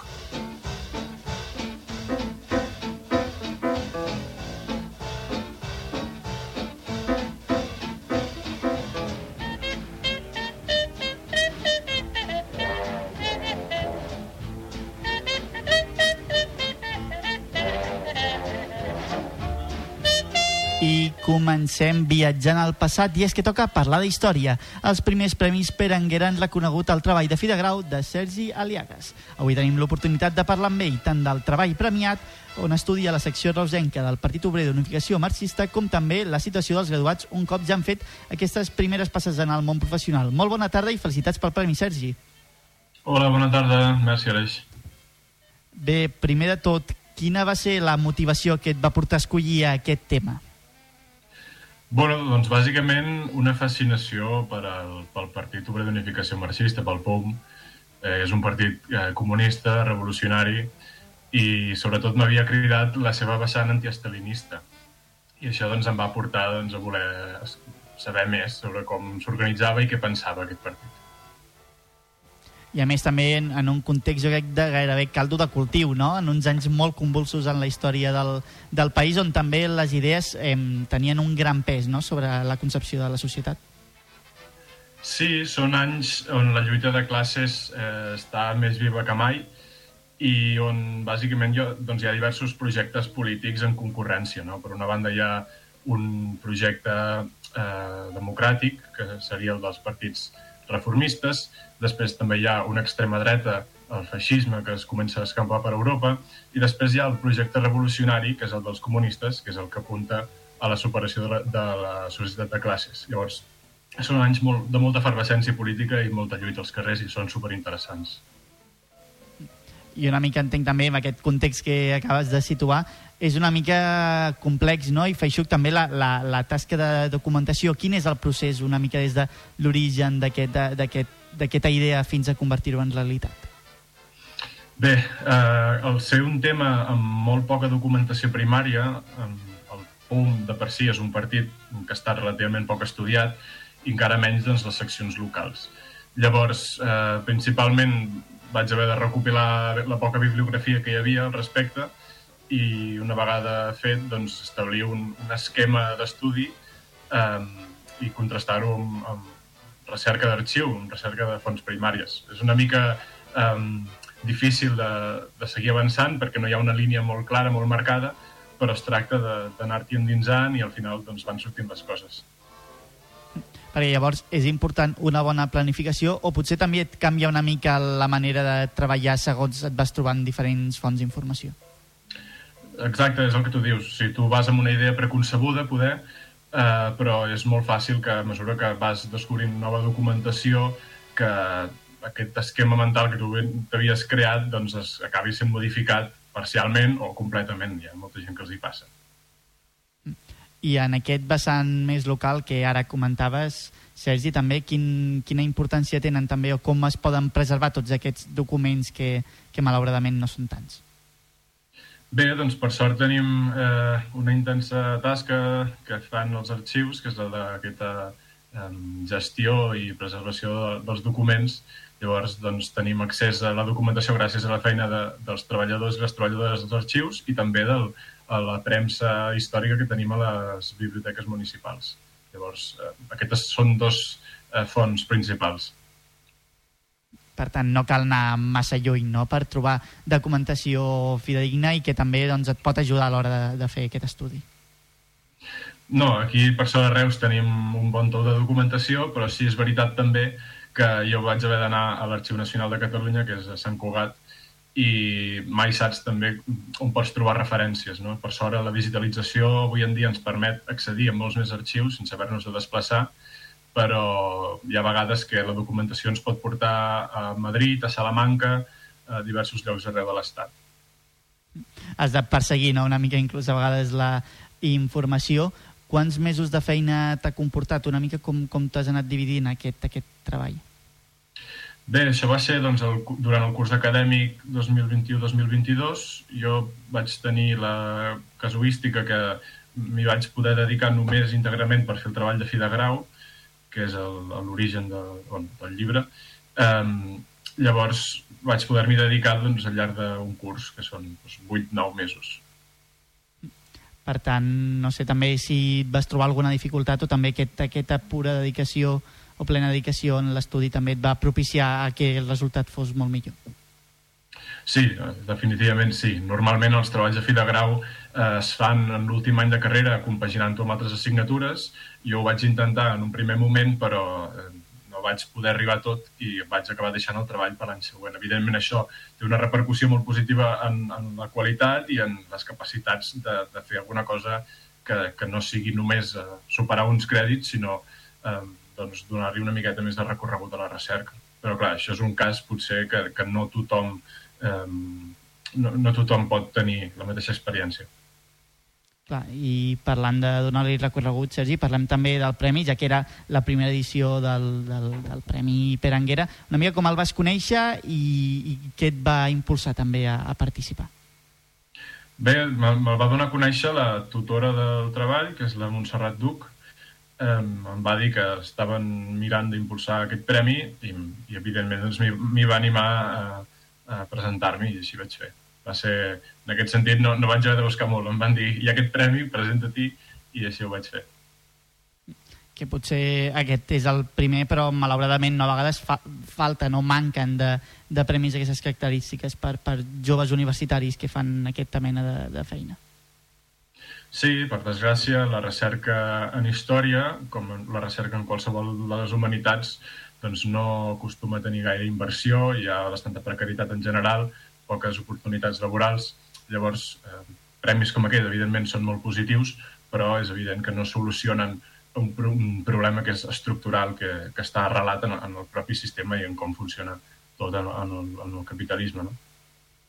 Perquè quin, quin és el problema? També falten llocs de feina, falta donar sortida a moltes carreres doncs, vocacionals. Sí, falten llocs de feina, però a la vegada també hem d'entendre que en un sistema on totes les inversions funcionen amb criteris de rendibilitat, doncs és comprensible que seguint aquestes mateixes lògiques no es doni inversió a les recerques en història que potser no reporten un benefici com si podrien reportar investigacions en altres eh, enginyeries o en la producció d'altres mercaderies eh, relacionades amb la tecnologia. Llavors, eh, és una qüestió de plantejar-nos si ens surt més a compte eh, demanar a l'aire aquestes ofertes laborals que no arribaran mai o plantejar-nos potser d'aspirar a canvis més profuns eh, on poder-nos desenvolupar tots qui ens dediquem a les humanitats eh, sense haver-nos de preocupar per aquesta falta d'ofertes. I quina hauria de ser potser aquest paraigües o alguns d'aquests aixoplucs que permetessin doncs, totes aquestes feines i treballs d'humanitats tinguessin doncs, la seva vialitat? Potser la universitat, les administracions públiques, com haurien de ser arxius, o com, què creus que hauria de, de millorar o, o, o canviar, o almenys hauria d'acollir o, o recollir molt més tots aquests treballs? Bé, jo crec que aquí eh, més inversió pública podria donar un, una petita sortida no? i augmentar les, el nombre de places, però de nou ens trobem amb les limitacions de les pròpies institucions que no deixen de ser gestores de, de, del capitalisme, llavors en moltes eh, ocasions tenen les mans lligades. Llavors, realment, si aspirem a, a poder donar-nos l'oportunitat de treballar d'això, hauríem d'aspirar a canvis molt més profuns, molt més estructurals, ja sé que sona molt rimbombant dir-ho ara així, però hauríem de pensar potser en la superació del capitalisme per arribar a, a poder-nos desenvolupar lliurement eh, sense, sense tenir aquestes limitacions. Clar, efectivament, perquè ara entenc que també hi ha un cop t'has graduat, un cop inclús t'han premiat amb aquest Premi Peranguera, una mica quines són les teves expectatives de futur o, o no sé ben bé quines, quines, quines, quines idees o quines opcions de futur també us dona inclús dins de la mateixa carrera? Uh, bé, normalment uh, la gent que es gradua en Història acostumen a tirar moltes vegades per altres um, sortides, principalment la docència. Jo mateix vaig fer el màster de formació del professorat i ara mateix estic esperant que m'arribi alguna oferta d'algun institut per poder treballar i a la vegada preparant les oposicions. Però en general no acostuma... O sigui, la gent sí, tira per, per la docència o directament feines que no tenen res a veure amb la història. Però principalment docència seria el, el gruix i després la, la poca gent que té la sort de poder-se dedicar a temps complet a la recerca perquè aquesta gent que s'hi dedica, quin és el camí o quines són les opcions a partir d'això de, de les universitats?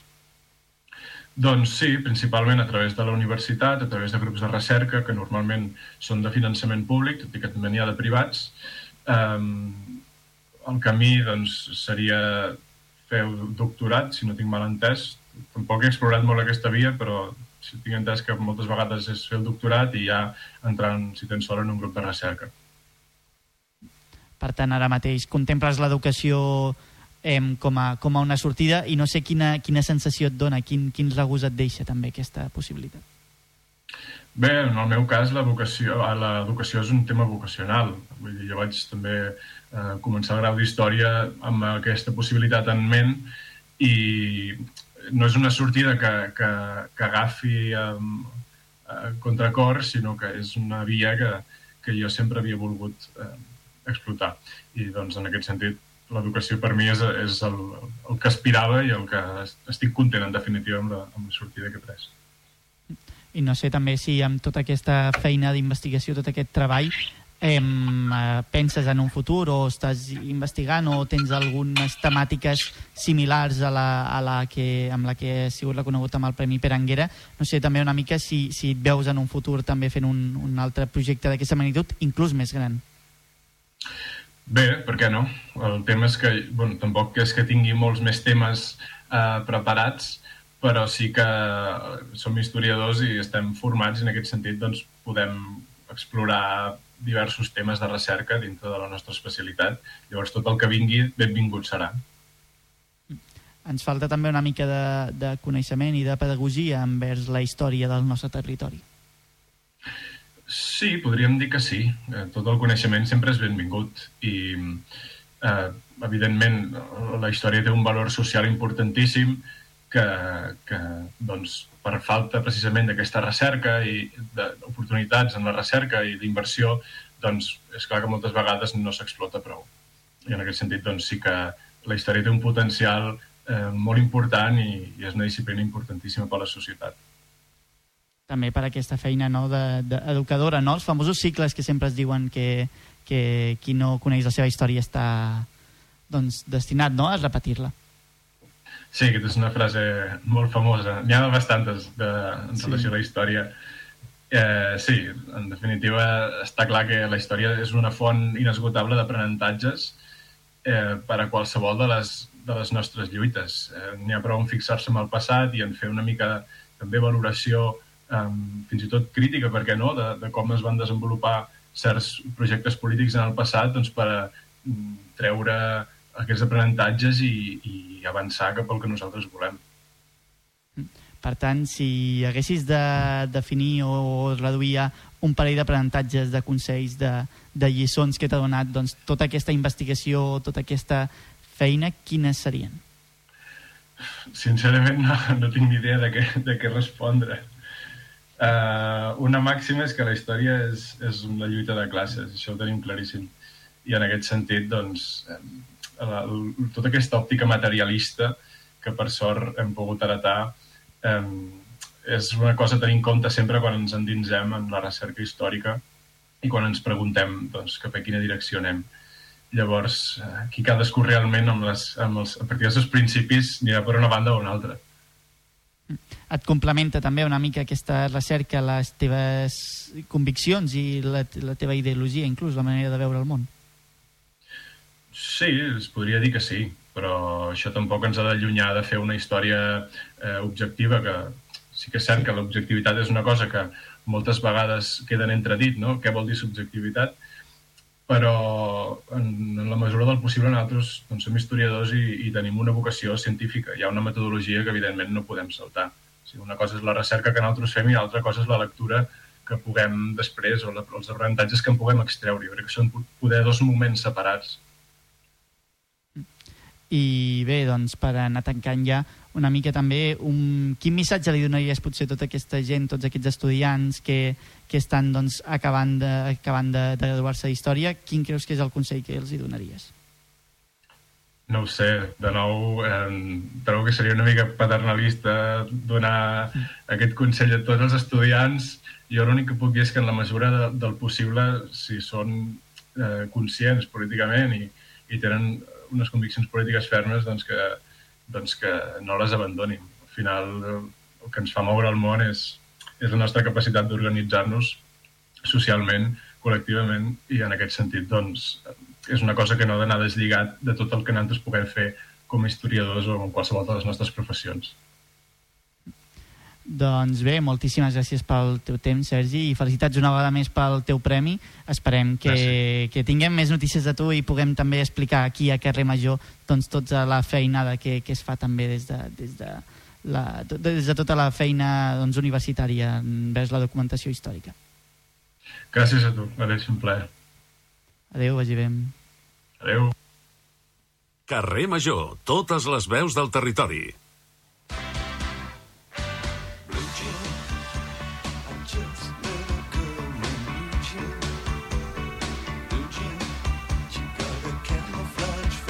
Ai, que em fareu treballar el meu dia de vacances. Àlex no et volia deixar sol en aquesta secció dels tonis especial. Et parlem del que ens està cantant en David Bowie, dels texans.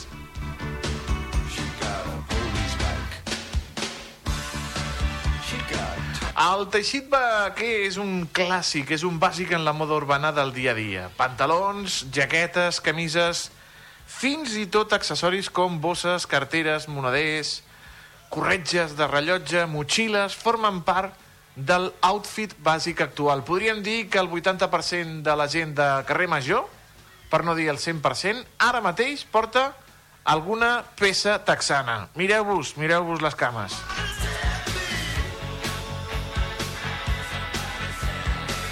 Però d'on ve l'origen del teixit texà? Quina és la història dels jeans? Darrere d'aquesta roba hi ha una llarga tradició i molts i molts anys d'evolució que ja formen part de la història de la moda internacional. I el seu creador té un nom i cognoms que no necessiten presentacions. Estem parlant de Levi Strauss.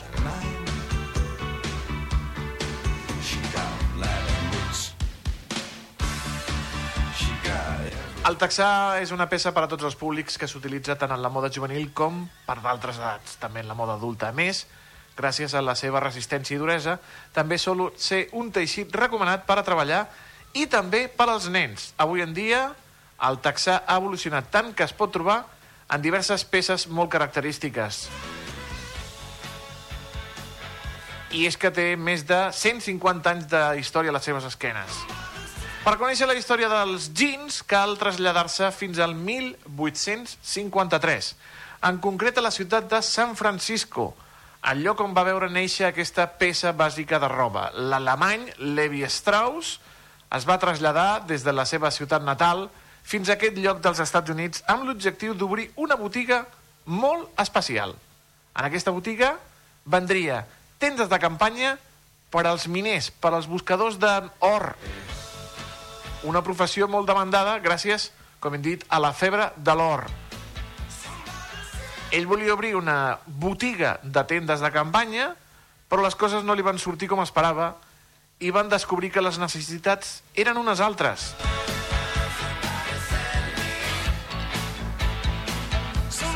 Aleix, els miners no volien un lloc per dormir, no, no, però sí que necessitaven fer alguna cosa amb els seus pantalons, que es trencaven contínuament a causa del pes de l'or que introduïen a les seves butxaques.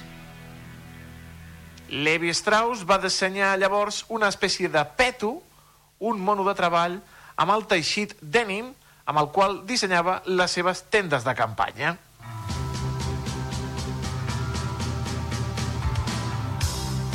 Entre els seus clients es trobava Jacob Davis, un sastre que va tenir la idea de crear, a banda d'aquest peto, uns pantalons amb reblons de coure en punts estratègics per reforçar la qualitat i la durabilitat. Tots dos es van engrescar i l'any 1873 van fer la patent dels jeans, dels eh, texans. I la llegenda no havia fet res més que començar. D'això, enguany fa 150 anys, del 1873, ara 2023.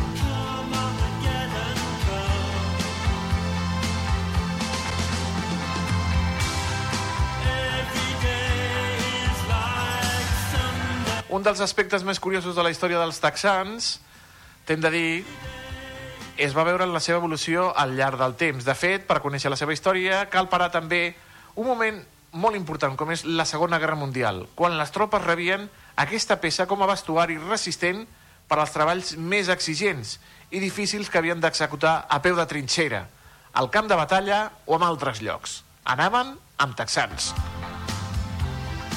Després de la Segona Guerra Mundial, els jeans van començar a arribar al carrer, i concretament a la moda juvenil. Es diu que a partir de la dècada dels 50 hi va haver un gran culpable, que és el món del cinema. Actors com James Dean, en pel·lícules com Rebel sense causa, els van posar de moda i els joves van començar a omplir els seus armaris amb texans.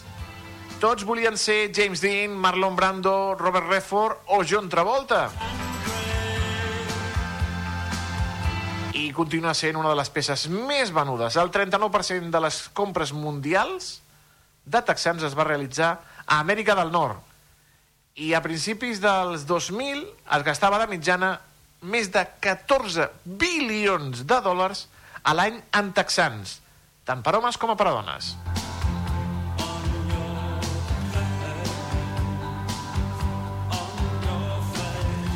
Moltes, ja saps, són les marques de texans, molts els models i l'estil, però si hi ha un model clàssic en el món dels texans, sens dubte és el Levis 501.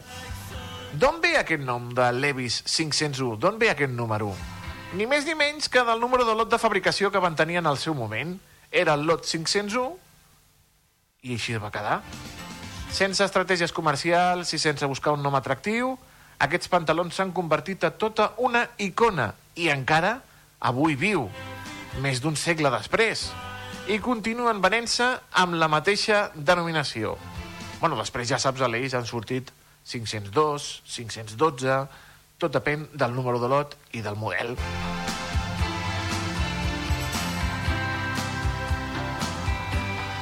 Com a curiositat us direm que el 501 és un model de taxà masculí i que en la seva publicitat dels anys 80 i 90 jugaven amb això, amb eslògans com ocasionalment fabricats per a dones. Sí, sí. O noies espectaculars que pujaven en un taxi amb uns 501, però que en realitat eren transexuals per a disgust del taxista. Algun dia el nostre expert en publicitat, en Xavi Franco, podria analitzar els anuncis de Levis. I li direm, gairebé sempre que pensem en el teixit dels texans ens ve al cap la imatge del color blau. Però no va ser així fins a finals del segle XIX, quan es va començar a tenyir el texà amb pigments de color índigo a la ciutat italiana de Gènova. És justament en aquesta ciutat la que donarà nom a la tela de gens. I els americans la nominaran jeans. Gens de Gènova, jeans.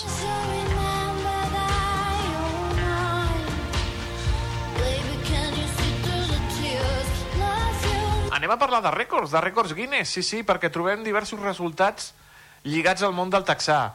Els Levis més cars que s'han pagat mai són uns exemplars de Levis 501 fabricats a la dècada del 1880 i que van ser adquirits per un col·leccionista japonès per un preu de 60.000 dòlars. Ara bé, el model de taxà més car fabricat mai és un trash denim de la marca de luxe Dussault Apparel. Aquests texans estan adornats amb 16 rubins d'un quirat, 26 rubins i 8 diamants de mig quirat i prop de un quilogram d'or blanc de 18 quirats. Els pantalons de Dissol, que es poden comprar en les seves botigues de Los Angeles o de Nova York, tenen un preu de 250.000 dòlars. Ah, per cert, Aleix, no porten cinturó.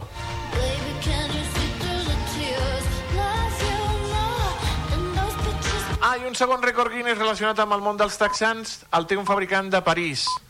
Uh, però París, Perú. A Lima, al Perú.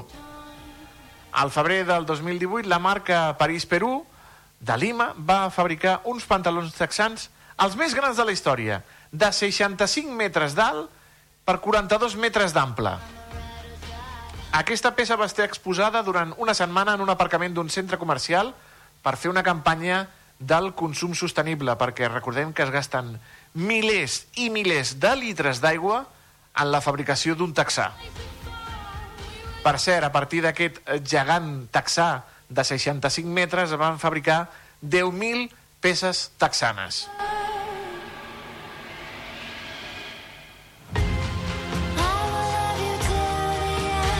Per cert, Aleix, eh, uns consells. Encara que sembli mentida, s'aconsella ficar els teus texans al congelador unes hores cada setmana per eliminar bacteris i així limitar les rentades dels teus texans. D'aquesta forma evitem rentar massa cada vegada el texà amb aigua, la qual cosa modifica el color i també la forma original del gin. Gràcies al fred del congelador, eliminem els bacteris i els olors del teixit, encara que no les taques. Si l'hem si tacat, doncs a la rentadora. I el mantindrem amb un aspecte saludable al nostre taxà. Per sempre més, Blue Jeans, amic meu.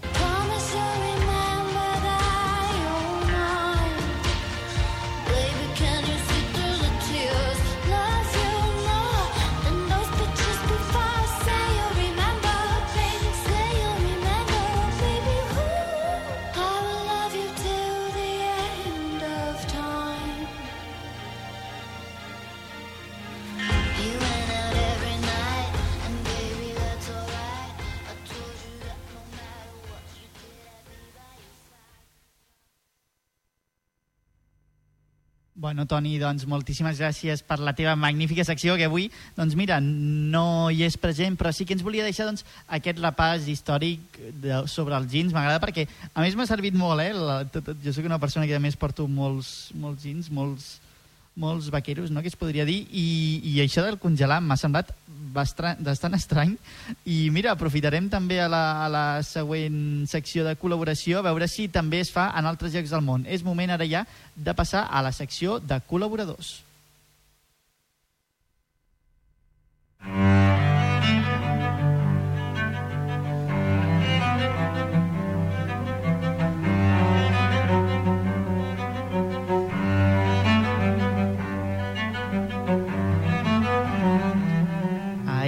Johann Sebastian Bach. La seva música ens portarà a la següent convidada, si és que si hem viatjat al passat amb el magnífic treball del Sergi de fa una estona. És hora de recuperar una secció que vam començar a fer fa poc, on contactem amb persones del Camp de Tarragona que estan vivint fora per diferents motius. Avui farem dos països al pel preu d'un, i és que la nostra convidada, l'Elisenda Fuster, ha viscut tant a Països Baixos com ara a Suïssa. Molt bona tarda, Elisenda. Hola, bona tarda, Aleix. Eh, gràcies per convidar-me, quina il·lusió. És un plaer i m'agrada molt a mi poder contactar també amb tota aquella gent que està a la partida pel món, però que tot i així segueix tenint aquí un trosset de casa seva. Bé, primer de tot, què et va portar a marxar fora? En el meu cas van ser, eh, bueno, eh, van ser els estudis. Eh, I en el meu cas particular els musicals, perquè jo vaig acabar al conservatori, al grau mitjà, i bé, mm, sí que vaig provar de fer proves d'accés a diversos llocs de, de Catalunya, eh, però al final vaig optar per marxar als Països Baixos i així va anar, sí, sí. Una mica també recordem això, la, mu- lligant amb la música al principi, no? que tu toques el violoncel, estàs especialitzada en el violoncel i, i bé, va ser una mica també una, una, una decisió, eh, potser entre cometes obligada, no?, per voler seguir fer allò que volies fer. Sí, a veure, no sé si tampoc obligada, perquè a veure, hi ha molta gent que es queden per Barcelona estudiant i, i cap problema, i els hi va molt bé i estan molt contents, però en el meu cas també hi havia com una voluntat personal de, de sortir, de marxar fora, de créixer, potser també més de manera, de manera humana, no? I, i evidentment, doncs, a nivell musical ja ho sabem, no? que, que, sí, que potser per Europa es mouen més coses que no pas a Espanya, a Catalunya, per desgràcia. Així que sí. Eh, podria ser, no sé, eh, creus que has canviat molt? Et veus com una persona diferent de la que va marxar i va prendre la decisió de marxar en el seu moment? O, o realment segueixes sent aquella persona? Sí. No, sí, sí. Eh, jo vaig marxar amb 19 anys, que bueno, mm, segons com es miri es pot dir molt jove, segons com no tant, però jo vaig marxar amb 19 anys, clar, i ara en tinc 23 i, i, bueno, i pel mig va passar una pandèmia, eh, van passar moltes coses. Llavors, eh, jo estic convençudíssima que el creixement personal que he tingut havent marxat no l'hagués tingut eh, quedant-me més a prop.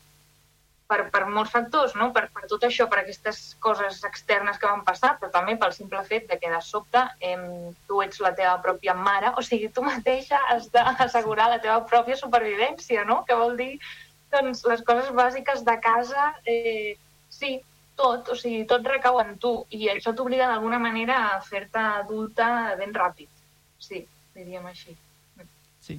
Eh, en una entrevista passada també vam entrevistar la Laia Pérez, que estava vivint a Itàlia en aquell moment, i tu vas fer cap a Països Baixos. Bé, va haver-hi un xoc cultural o vas notar una mica aquesta diferència entre el clima, entre cometes, mediterrani i d'una mica també el, com és viure en un lloc més continental? Sí, hi va haver xoc, sobretot el primer any.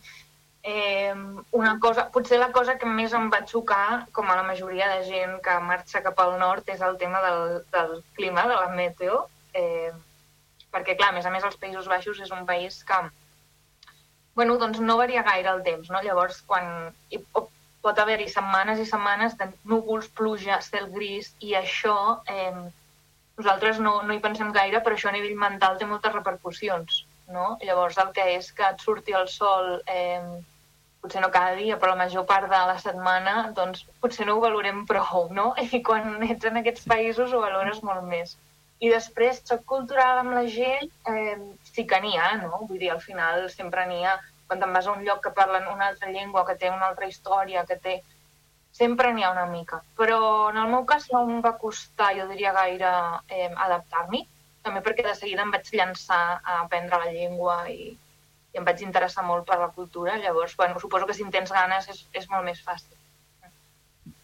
Creus que també em, influencia també la manera en com amb com també veus la gent i en el teu, en el teu estat també, també has comentat això de la pandèmia, no sé ben bé si també en algun moment o potser et vas sentir sola o també doncs, enyores doncs, doncs, casa teva o la teva família, la teva gent.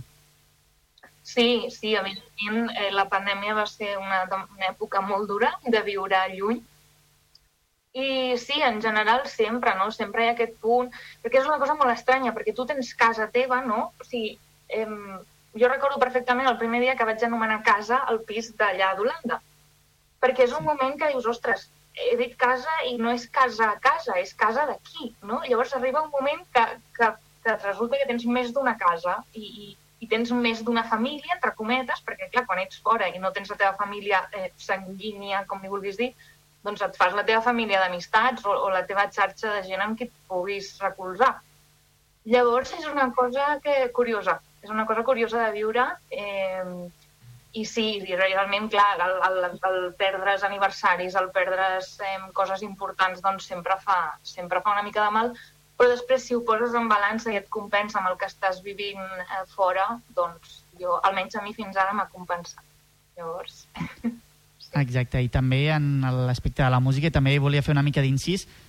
Com mm. es, eh, és diferent la percepció de la música i de la manera de tocar aquí, aquí que a, que a Països Baixos o inclús a Suïssa? Quines diferències hi ha? Notes si també una mica la cultura influeix en la manera de concebre la música o no té per què?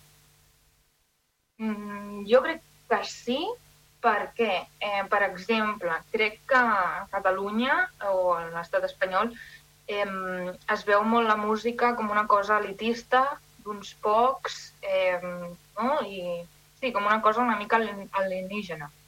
Però, clar, fora, eh, el fet de que la gent realment eh, vagi més a concerts, eh, es mogui més en el món cultural, inverteixi en cultura, doncs fa que això, mm, no? sap que la gent s'apropi a aquest món i per tant no sigui una cosa tan extraordinària el fet d'estudiar música o el fet de, de viure d'ella, no? o d'intentar-ho, si més no. Sí.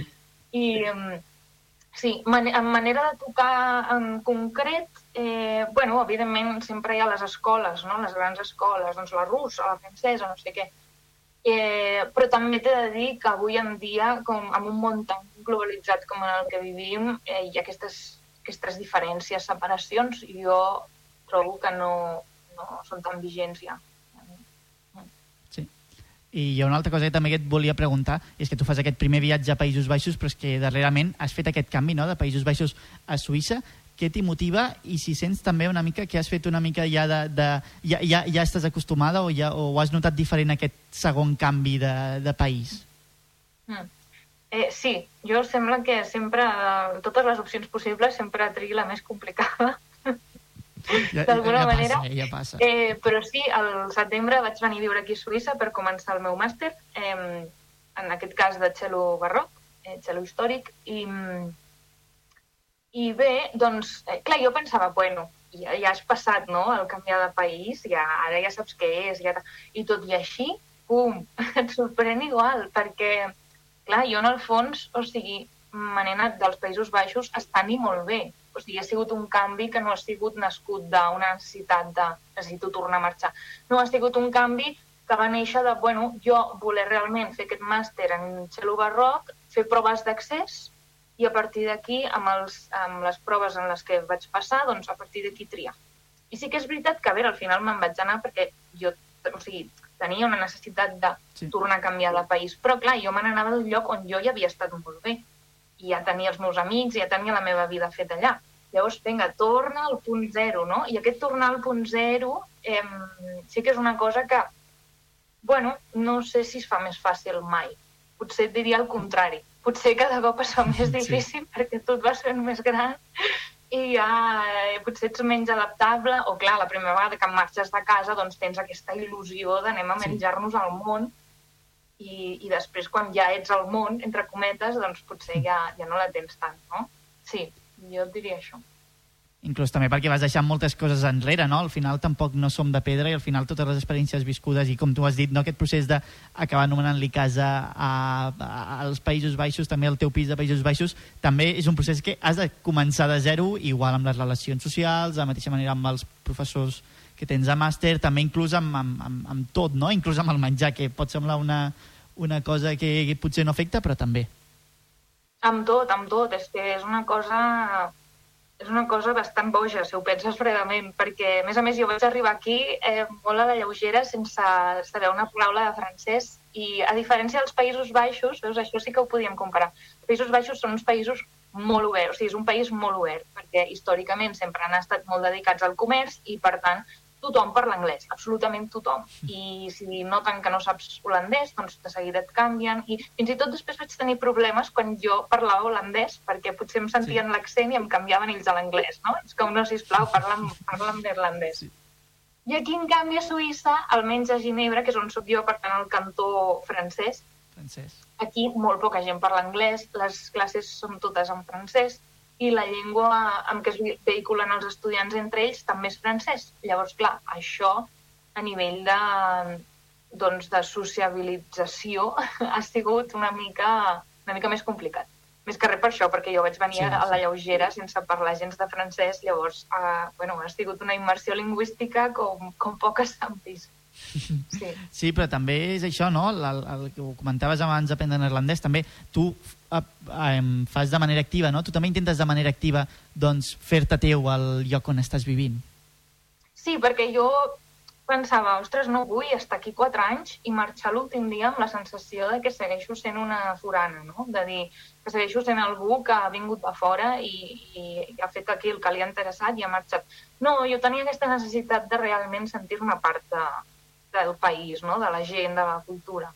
Llavors, a part de que a mi m'agraden moltíssim les llengües, no? que jo entenc que hi ha gent que li costen molt i, i és molt pesat, però a mi m'encanten. Llavors, sí, m'hi vaig posar en sèrio i, i al final ja sí. I ara trobo falta parlar-lo, la veritat, no et mentiré. Sí. Però és molt interessant també aquesta manera, no? A vegades sempre ho diem, això, de que la millor manera de, de sentir-te inclòs també és una mica imitant i veient i apropant-te amb la gent amb la que convius. No sé també si tornes molt a casa, si t'agrada tornar-hi o tens també una mica aquest regust a mar de dir-hi, ostres, potser no hi vaig tant com voldria o al revés, potser anar-hi em fa més mal del que hauria de fer-me. Eh, està bé que ho preguntis, perquè és una, és una, és, és una cosa difícil. Difícil perquè, clar, no? Sobretot, bueno, ara jo per Nadal serà la primera vegada que torni a casa després d'aquest canvi de capítol, per dir-ho així.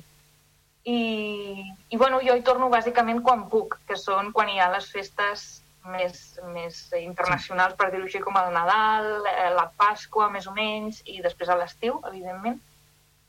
I bé, cada vegada que torno sí que hi ha unes ganes de, ostres, torno a casa, però a la vegada també torno a un lloc que, en certa manera, ja no em sento tan meu, no? Perquè, és a dir, eh, el meu present ara mateix és aquí, no? Llavors torno a un lloc...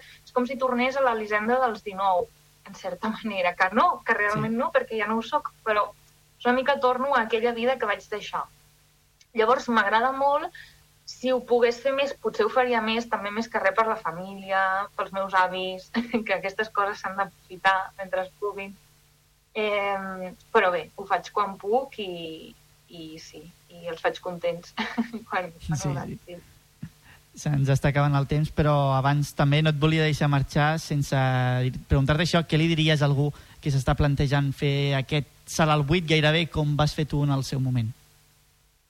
Li diria que, que és una experiència xulíssima, però que també sigui conscient que no tot és fàcil ni bonic i que hi ha un aprenentatge personal eh, que, que és necessari eh, molt fort, no? sobretot a nivell de, al principi, eh, doncs saber estar bé amb, amb el fet d'estar de, de sola, la solitud. Jo he pres molt, molt, molt, molt, molt, molt.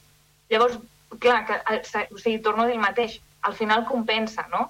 aquesta, aquesta, aquest inici una mica més amarg amb tot el que ve després, però aquest inici hi és, i és important que la gent no idealitzi el viure fora com un uau, perquè sí, d'acord, molt xulo, però hi ha una part dura, i no tothom pot eh, passar, passar aquest procés. Llavors, bueno, sí. sí. Eh, és, és bonic perquè m'agrada fer aquestes preguntes a tota la gent que ha anat vivint això i clar, i depenent de l'experiència, de manera com ho vius i tot, cadascú té uns consells a partir de les, de les seves vivències i bé, que ha sigut un plaer parlar amb tu, Elisenda, apropar-te doncs, un trosset d'aquí del Camp de Tarragona a, a Suïssa i bé, moltíssima sort amb els teus projectes i, i moltes gràcies per atendre a Carrer Major. Sí, moltes gràcies, m'ha fet molta il·lusió i res, d'aquí dues setmanetes ja, ja vinc cap a casa. Sí. Molt bé, doncs aquí t'esperem els braços oberts. Moltíssimes gràcies, Elisenda. Gràcies, Alice. Adéu. Estàs doncs... escoltant Carrer Major. Mira, ara m'he colat, ostres, tu. Què és això? Que soni, que soni.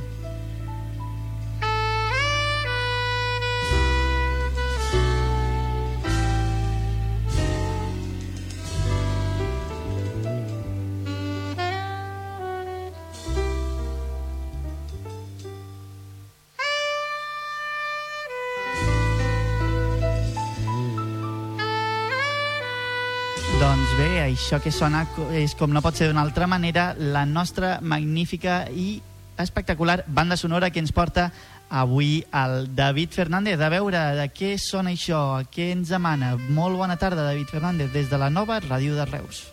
Molt bona tarda, Aleix. Comencem la setmana a ritme de jazz, amb una formació molt jove. Molt jove perquè fa poc que funcionen com a banda i perquè els seus músics també són molt joves, tenen entre 18 i 20 i pocs anys. Això sí, tots ells estudien música a Barcelona. Això que estem escoltant és l'Àric Quartet, tot i que en alguns llocs també es fan dir Reus Jazz Quartet, tot i que els músics no són només de Reus. Hi trobem el Pere Sancho, el saxo, que estudia al Liceu i que també forma part de la banda Restit Orquestra, el Miquel Rodríguez al piano, que estudia a l'ESMUC i que també té un projecte de trap, l'Adrià Olseneski, baixista, que estudia al taller de músics i forma part de bandes com Mosaic o la Prolevant, i el Joan de Domingo, bateria de Montblanc, que estudia al taller de músics. La seva primera carta de presentació és això que estem escoltant, un estàndard del jazz, es diu The Lamp is Low, de Peter de Rose amb Bert Schefter. És la seva presentació, com us diem. De moment aquesta versió només la podeu escoltar a través del seu compte d'Instagram, a l'Àric Quartet, a l'Àric acabat amb K, tot i que també ens diuen que d'aquí uns dies estarà disponible també al seu compte de YouTube. Avui, doncs, la música d'aquesta novella formació, els de l'Àric Quartet, és la banda sonora del dia del carrer Major.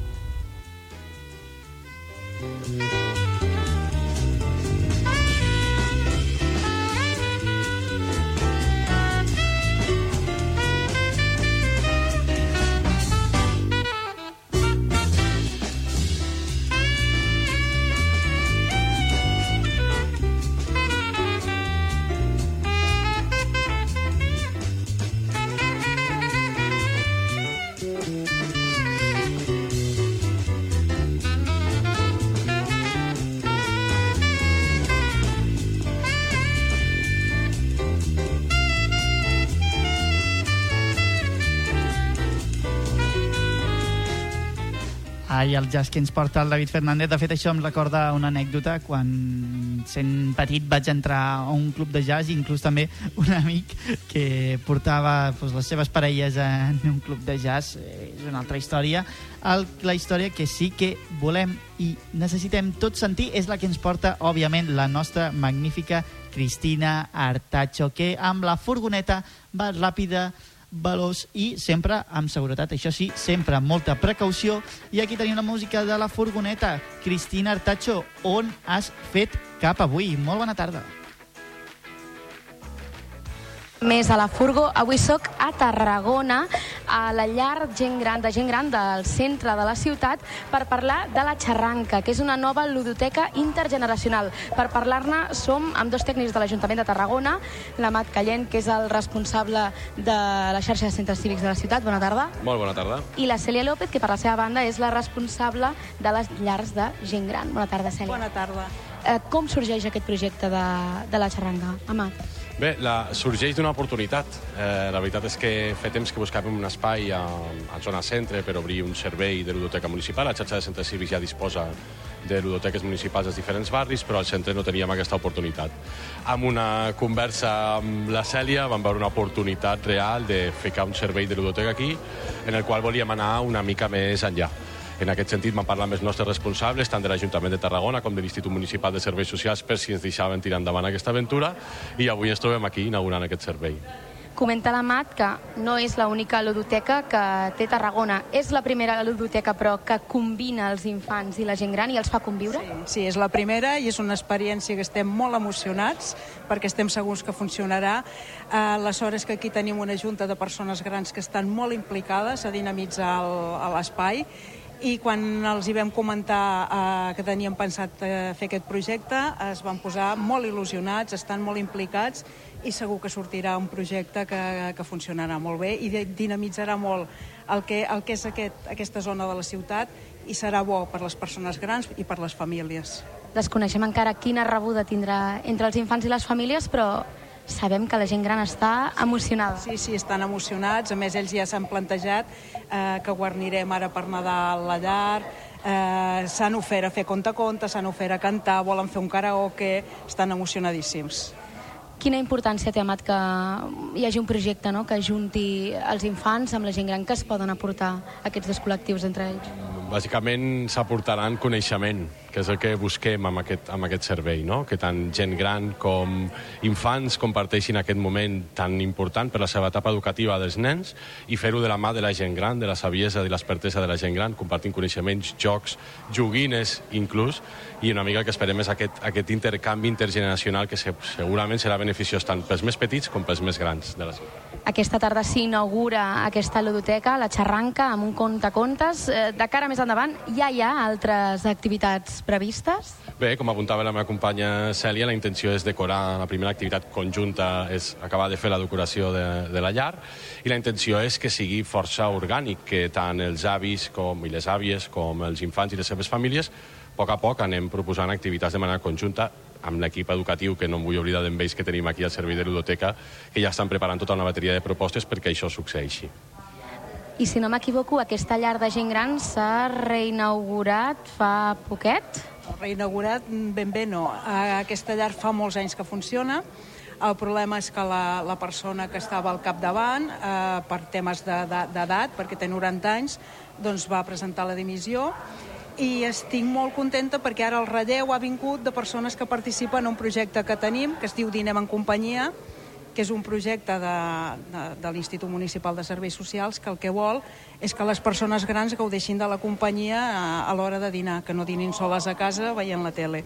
I ells mateixos són els que han proposat i s'han organitzat per posar en marxa aquesta junta. I sí que per les tardes sembla que haguem inaugurat, perquè ara fa ja dues setmanes que estan fent una altra vegada el Ball dels Dijous, i, i té, té una empenta molt important amb aquest, amb aquest grup de persones, que són justament són les persones que tenim aquí. És la primera ludoteca intergeneracional de Tarragona? Serà també la única? Esperem que no. Esperem que no. Esperem que puguem replicar aquest model en altres indrets de la ciutat, que l'experiència ens ho dirà a través d'aquesta primera, però creiem que és un servei que pot ser molt potent. Doncs ja ho sabeu, avui inauguració de la Xarranca, la primera ludoteca intergeneracional de Tarragona que unirà els infants i els avis en diferents activitats com la d'avui, un contacontes. Ho hem parlat amb l'Amat Callent, el responsable de centres cívics de l'Ajuntament de Tarragona, i amb la Cèlia López, la responsable de les llars de gent gran també de l'Ajuntament. Moltíssimes gràcies als dos i ens veiem a la propera fur- furgó. Adéu, que vagi bé.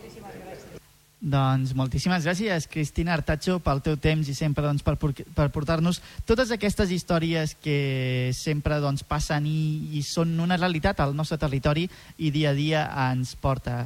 Molt interessant i bé, nosaltres ho anirem deixant per aquí. Hem tingut un dia, una hora que s'ha fet molt llarga, hem tingut molts continguts i molt interessants. He començat doncs, amb tot el meu patiment personal amb les pel·lícules de Nadal. Espero que no es repeteixi i el proper cap de setmana el tingui una mica més tranquil. Si us plau, després hem pogut parlar amb el Sergi, el Sergi Aliaga, que ens ha parlat del, del seu premi i també de la situació dels, de gent que acaba la carrera. Hem tingut, com no, els nostres magnífics i espectaculars tonis, en aquest cas el Toni Mateos, que ens ha explicat doncs, tota la història dels jeans i dels pantalons més famosos que enguany celebren 150 anys. I bé, hem marxat lluny també perquè hem anat a veure l'Elisenda a Suïssa en directe des de Ginebra, que ens ha explicat doncs, una mica com és el seu dia a dia i hem acabat com ha de ser aquí a casa, a la furgoneta. I bé, doncs això és tot per avui. No marxin, però, perquè tornem demà de nou a les 4 de la tarda amb Anna Plaza i Jonai González. I a la segona hora, doncs, sembla que hauran d'aguantar un servidor una hora més. Ens veiem, feu bondat i fins demà.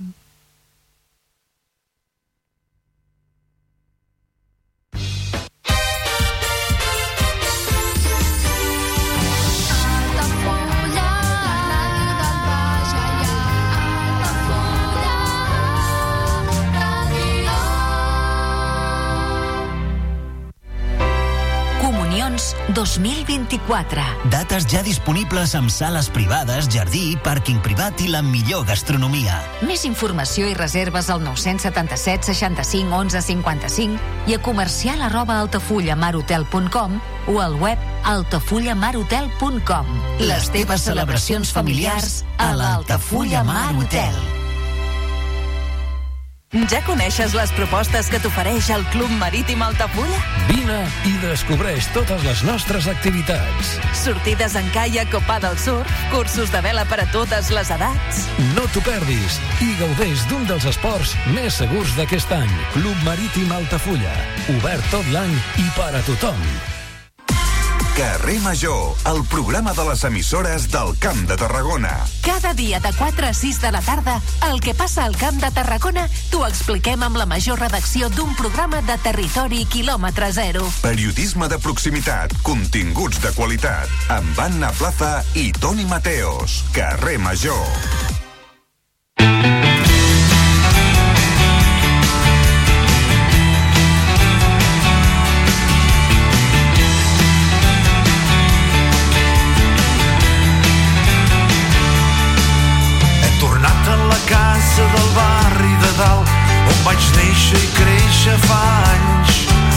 Armaris són plens de records que fan mal.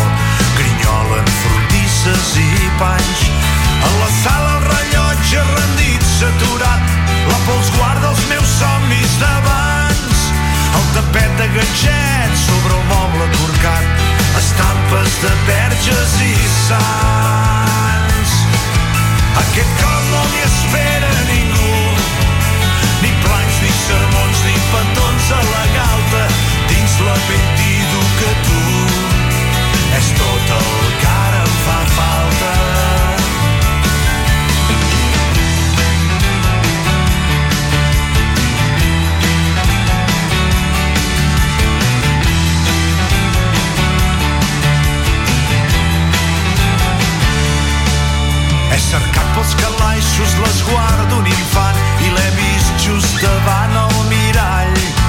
És un rostre cansat que ja s'ha fet gran.